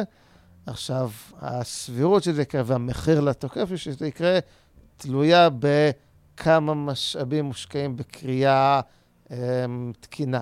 כן, אז למעשה, um, ככל שיותר משאבים מושקעים בקריאה, כך רשת יותר מוגנת. אז יש כמה שאלות. אפשרות אחת זה שלא יוקדשו מספיק משאבים ואז יהיה קל לתקוף. אפשרות אחרת זה שיוקדשו המון משאבים ואז זה יהיה יקר, כי זה פשוט מחיר שרשת הביטקוין גובה עצם השימוש התקין בה, שזה גם הרבה פעמים מתייחסים לזה בעיקר בהיבט של צריכת אנרגיה, שלדעתי זה, זה קצת רד הרן, כי בסופו של דבר כל האנרגיה תהיה ירוקה בצורה כזו או אחרת. אמ, אבל, אה, אה, אבל כן, ויש פה פשוט עלות לכל המערכת, ש... אתה יודע שיש כאלה שאומרים שהעלות הזאת היא לא הבעיה, יש כאלה שאומרים שהעלות הזאת היא קטסטרופלית ואסור לעשות את זה. אני חושב שהעלות קיימת והיא משמעותית, אבל היא שווה את זה, כן? עבור מה שביטקוין נותן, שווה שנקדיש את המשאבים האלה. העניין הוא שא', אנחנו לא יודעים אף פעם איפה אנחנו נמצאים. כלומר, גם אחרי שהקדשנו כמות משמעותית של משאבים של עולם בקריאת ביטקוין, אנחנו לא יכולים להיות בטוחים שלא ואיזה תוקף יתקוף אותה בכל זאת. ו... גם אם אנחנו, יש לנו איזושהי הבנה אה, של כמה משאבים האנושות רוצה להשקיע בקריאה, זה לא כזה טריוויאלי לוודא שבאמת המשאבים האלה יושקעו, כן, כי, ה... כי בסופו של דבר המשאבים האלה צריכים לבוא בצורה של עמלות שהמשתמשים משלמים, ואז לא ברור אם נצליח לגרום להם לשלם בדיוק את הכמות הסבירה. אז קיצור, אז רוב האתגרים הם. בקונסטנט הזאת של הבעיות, שעד עכשיו אה, הבעיה הזאת לא קיימת, כי כרגע הקריאה מבוססת בעיקר על מטבעות חדשים שנוצרים, כן? אמרנו שיהיו 21 מיליון מטבעות, כרגע יש פחות, ובאיזשהו קצב המטבעות נוצרים, וזה התגמול העיקרי שיש לקוראים. וצריך לראות איך כל מערכת תתפקד כשזה לא יהיה, ואנחנו עדיין לא שם. אז כרגע זה בעיקר ספקולציות על איך המערכת תעבוד. ואם העמלות תהיינה מספיק או לא מספיק. זה, זה שאלות שאני חושב שזה האתגר העיקרי מבחינה טכנולוגית. מבחינה רגולטורית, יש הרבה אתגרים וקשיים וסיכונים בטווח הקרוב והבינוני. הזכרנו את החסימות של הבנקים, יש עוד כל מיני דברים. יכול להיות גם שככל שביטקוין יצמח כך יותר פושבק, אבל אני לא חושב שבטווח הארוך זאת תהיה בעיה. כלומר, אה, אה, קודם כל, גם אם ממשלות עולם תתאחדנה ותרצנה לסגור את ביטקוין, יכולות במקרה הטוב להוריד אותה למחתרת ולתת לו לישון כמה שנים עד שיצוף שוב. הן לא יכולות לסגור את ביטקוין לגמרי, גם לא נראה שזה מה שהן רוצות לעשות, וכך או כך העולם משתנה, ואתה יודע, ועצם הקיום של ביטקוין מאתגר קצת את המושגים של הממשלות של איך צריכה להיות אה, רגולציה. חושב שבסופו של דבר העולם יתאים את עצמו לבשורה שביטקוין מביא. הכיוון השלישי, שהוא היותר כלכלי-חברתי, זה שאלה היא האם אנשים בכלל רוצים את ביטקוין. כי יכול להיות שפשוט זה לא מעניין אנשים. יכול להיות שהם מסתפקים באיך שהבנקים עובדים ואיך שהכסף הממשלתי עובד, וזה באמת אתגר, כן? כי אם, אם אנשים לא רוצים את זה, אז שום דבר לא ישנה את זה. וכאילו, כמובן אפשר לבצע הסברה וחינוך ולתת לאנשים את הכלים כדי להחליט אם רוצים את זה או לא. אבל אם אחרי הכל זה לא כזה מעניין אותם, אז, אז זהו, אז אין, אפשר ללכת הביתה. וזה גם משהו ש...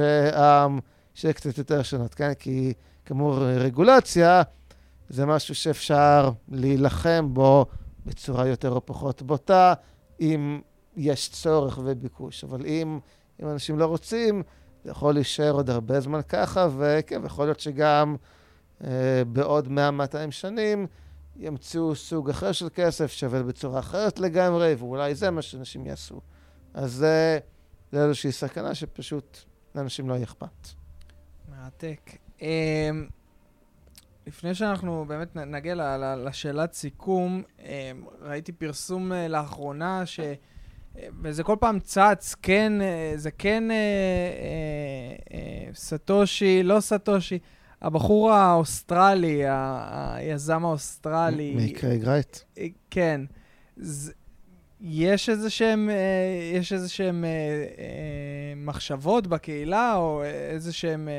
אה, אני לא יודע מה, הנחות, האם, האם זה באמת הוא, או, ש, או שעדיין הזהות שלו היא אנונימית לחלוטין? תראה, לגבי קרייג, קרייג ספציפית, אני אוהב להגיד את זה ככה. אני יודע, למעשה אני בטוח בוודאות שאני לא סטושי, כי אין, אני לא זוכר שהמצאתי את ביטקוין, ואין לי את הידע להמציא את ביטקוין, ואין לי בבית שום רשומה או אזכור או משהו שאולי איכשהו יצרתי את ביטקוין. אז אני יודע בוודאות שאני לא סטושי, ולמרות כמה שאני ודאי שאני לא סטושי, אני עוד יותר ודאי שקרייג רייט לא סטושי. אז זה, זה בערך איפה שזה עומד מבחינת קרייג רייט. לגבי אנשים אחרים, um, אני לא יודע, תשמע, תראה, יש איזשהו, גם איזשהו סיפור שהתגלגל לאחרונה, איזה מישהו שבא ועשה איזשהו וידוי, אני לא חושב שזה אמין בכלל. אז קיצור, אנחנו לא יודעים מי זה סטושי. כאילו עד עכשיו האפשרויות הכי מובילות זה בחור בשם ניק זאבו ובחור בשם הלפיני, שהם כאילו שני uh, מפתחים מה... שהיו מאוד פעילים uh, בהתחלה של הפעילות של הביטקוין, אז יש חשדות שאולי זה הם, וזה גם תנאים בכל מיני דרכים. אז כאמור, אלה שתי אפשרויות הכי סבירות, אבל עדיין לא הייתי נותן יותר מ-10% לכל אחד מהם. אמ, אז כן, אז, אה, אז אנחנו יודעים מי זה. יכול להיות שזה מישהו שאיכשהו מוכר בהקשרים אחרים, אבל לא יודעים מי. יכול להיות שזה גם מישהו שלא מוכר בכלל, וכן, פשוט מישהו שאנחנו לא יודעים מי הוא. יש גם הרבה שטוענים שאולי סטושי זה בכלל קבוצה של אנשים, אני אישית לא מאמין בזה, אני חושב שזה בן אדם אחד ש... הצליח לא לשמוע הפרטיות שלו, אז um, כנראה שלעולם לא נדע מכמה סיבות. כלומר, בוא נגיד את זה ככה, ה, uh, הדבר הבסיסי שנצטרך בשביל לשכנע שמישהו סטושי, זה אם הוא ייתן חתימה דיגיטלית ממפתחות ש... אה, שקשורים בסטושי מהתקופה שביטקוין רק התחיל. אז, uh, אז א', גם אם שיבוא עם חתימה כזאת, עדיין לא נהיה בטוחים שזה באמת הוא, כי יכול להיות מישהו אחר בא גנב את המפתחות, לא יודע מה. בנוסף, um, לא בטוח שבכלל אפשרי לתת חתימה כזאת, כי יכול להיות שהוא באמת איבד את המפתחות, יכול להיות שהוא מת, יכול להיות שלא יודע מה קרה, יכול להיות, יכול להיות שהוא באופן מכוון אה, מחק את המפתחות שלו כדי uh, לנתק כל קשר מזה. לכן, uh, ו- וגם אם הוא יכול לחתום, רוב הסיכויים שהוא לא ירצה. אז כנראה שלעולם לא נראה חתימות, גם אם נראה חתימה, כנראה, לא יודע אם כנראה, אבל לא נהיה בטוחים שזה באמת הוא, אז כנראה שלעולם לא נדע, ובמובן מסוים זה גם היופי שאנחנו לא צריכים לדעת. כן? כי בכל מערכת ריכוזית, שיש מישהו ששולט בה, נרצה מאוד לדעת מי זה אותו אחד ששולט בה, כדי לוודא שהוא לא עושה שטויות, אבל רק שזו מערכת מבוזרת, שיצאה לאוויר העולם ויותר מישהו ששולט בה, זה לא משנה מי הוא, כאילו זה משנה הפרוטוקול שהוא עושה, זה משנה הקוד שהוא כתב, מי הבן אדם, זה פשוט לא משנה. כן. אמ, ושאלה ככה אחרונה, זה על החולצה שלך, קיבלתי איזה טיפ, אה, טיפ שזה, זה, יש, יש סיפור מעניין מאחורי אז, החולצה אז, הזאת. אז כן, אז אני אספר קצת על החולצה, אני לא יודע כמה טוב הצופים בבית רואים, אבל... Um, אה, אוקיי, אז אני צריך uh, לדבר בקצרה על Lightning Network, רשת הברק, שזה איזושהי טכנולוגיית שכבה שנייה מעל ביטקוין, שמאפשר בעצם לתשלומים להיות הרבה יותר מהירים.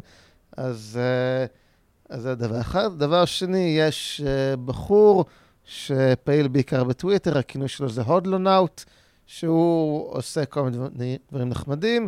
בין היתר, הוא התחיל משהו שנקרא לפיד הברק, שזה בעצם אנשים העבירו אחד לשני תשלומים ב Lightning, ככה זה כמו מין לפיד שעבר מאחד לשני, והרבה אנשים רצו אה, להיות חלק מהשרשרת הזאת. אז עכשיו, אז קודם כל, אז מה שרואים על החולצה זה בעצם את התמונת פרופיל בטוויטר של הודלונאוט, כשהיא מורכבת במין קולאז' כזה מהתמונות פרופיל של כל מי שהשתתף בלפיד הברק. זה קודם כל מה שאנחנו רואים. עכשיו, הסיבה um, שיצרו את זה, זה היה כחלק מהמאבק המשפטי של הודלונאט נגד קרייג רייט, שלמעשה הודלונאט כתב גם כמה דברים לא מחמיאים לקרייג רייט, ואז uh, קרייג התחיל ב... בתביעות משפטיות נגדו, ואז, uh, ואז כאילו הקהילה גייסה תמיכה לעזור להודלונאט, אז חלק מה... מה שהלך שם, גם יצרו את התמונה הזאת, ואז מתוך התמונה יש הרבה אה, swag, שזה כאילו גם, גם פה בשגרירות יש לנו פוסטר של התמונה הזאת, ו, וספלים עם התמונה הזאת, לא יודע כמה רואים, כן. ו, ושעון וכולי, אז כן, זה איזה משהו ש, שמייצג בעצם גם את רשת הברק ואת החידוש הטכנולוגי, וגם את ה... אה, את ההיאבקות בביטקוין מול כל מיני נוכלים שמנסים uh, לפגוע בה. מדהים. Uh, אז, טוב, שאלה אחרונה זה כמובן איפה אפשר למצוא אתכם, איפה אפשר למצוא uh, קצת את, את הדברים שאותך, uh, בין אם זה טוויטר, uh, פייסבוק, רשתות חברתיות, וכמובן uh, את, uh, את האיגוד. אמ, אז עכשיו זה, זה הזמן שלך ככה.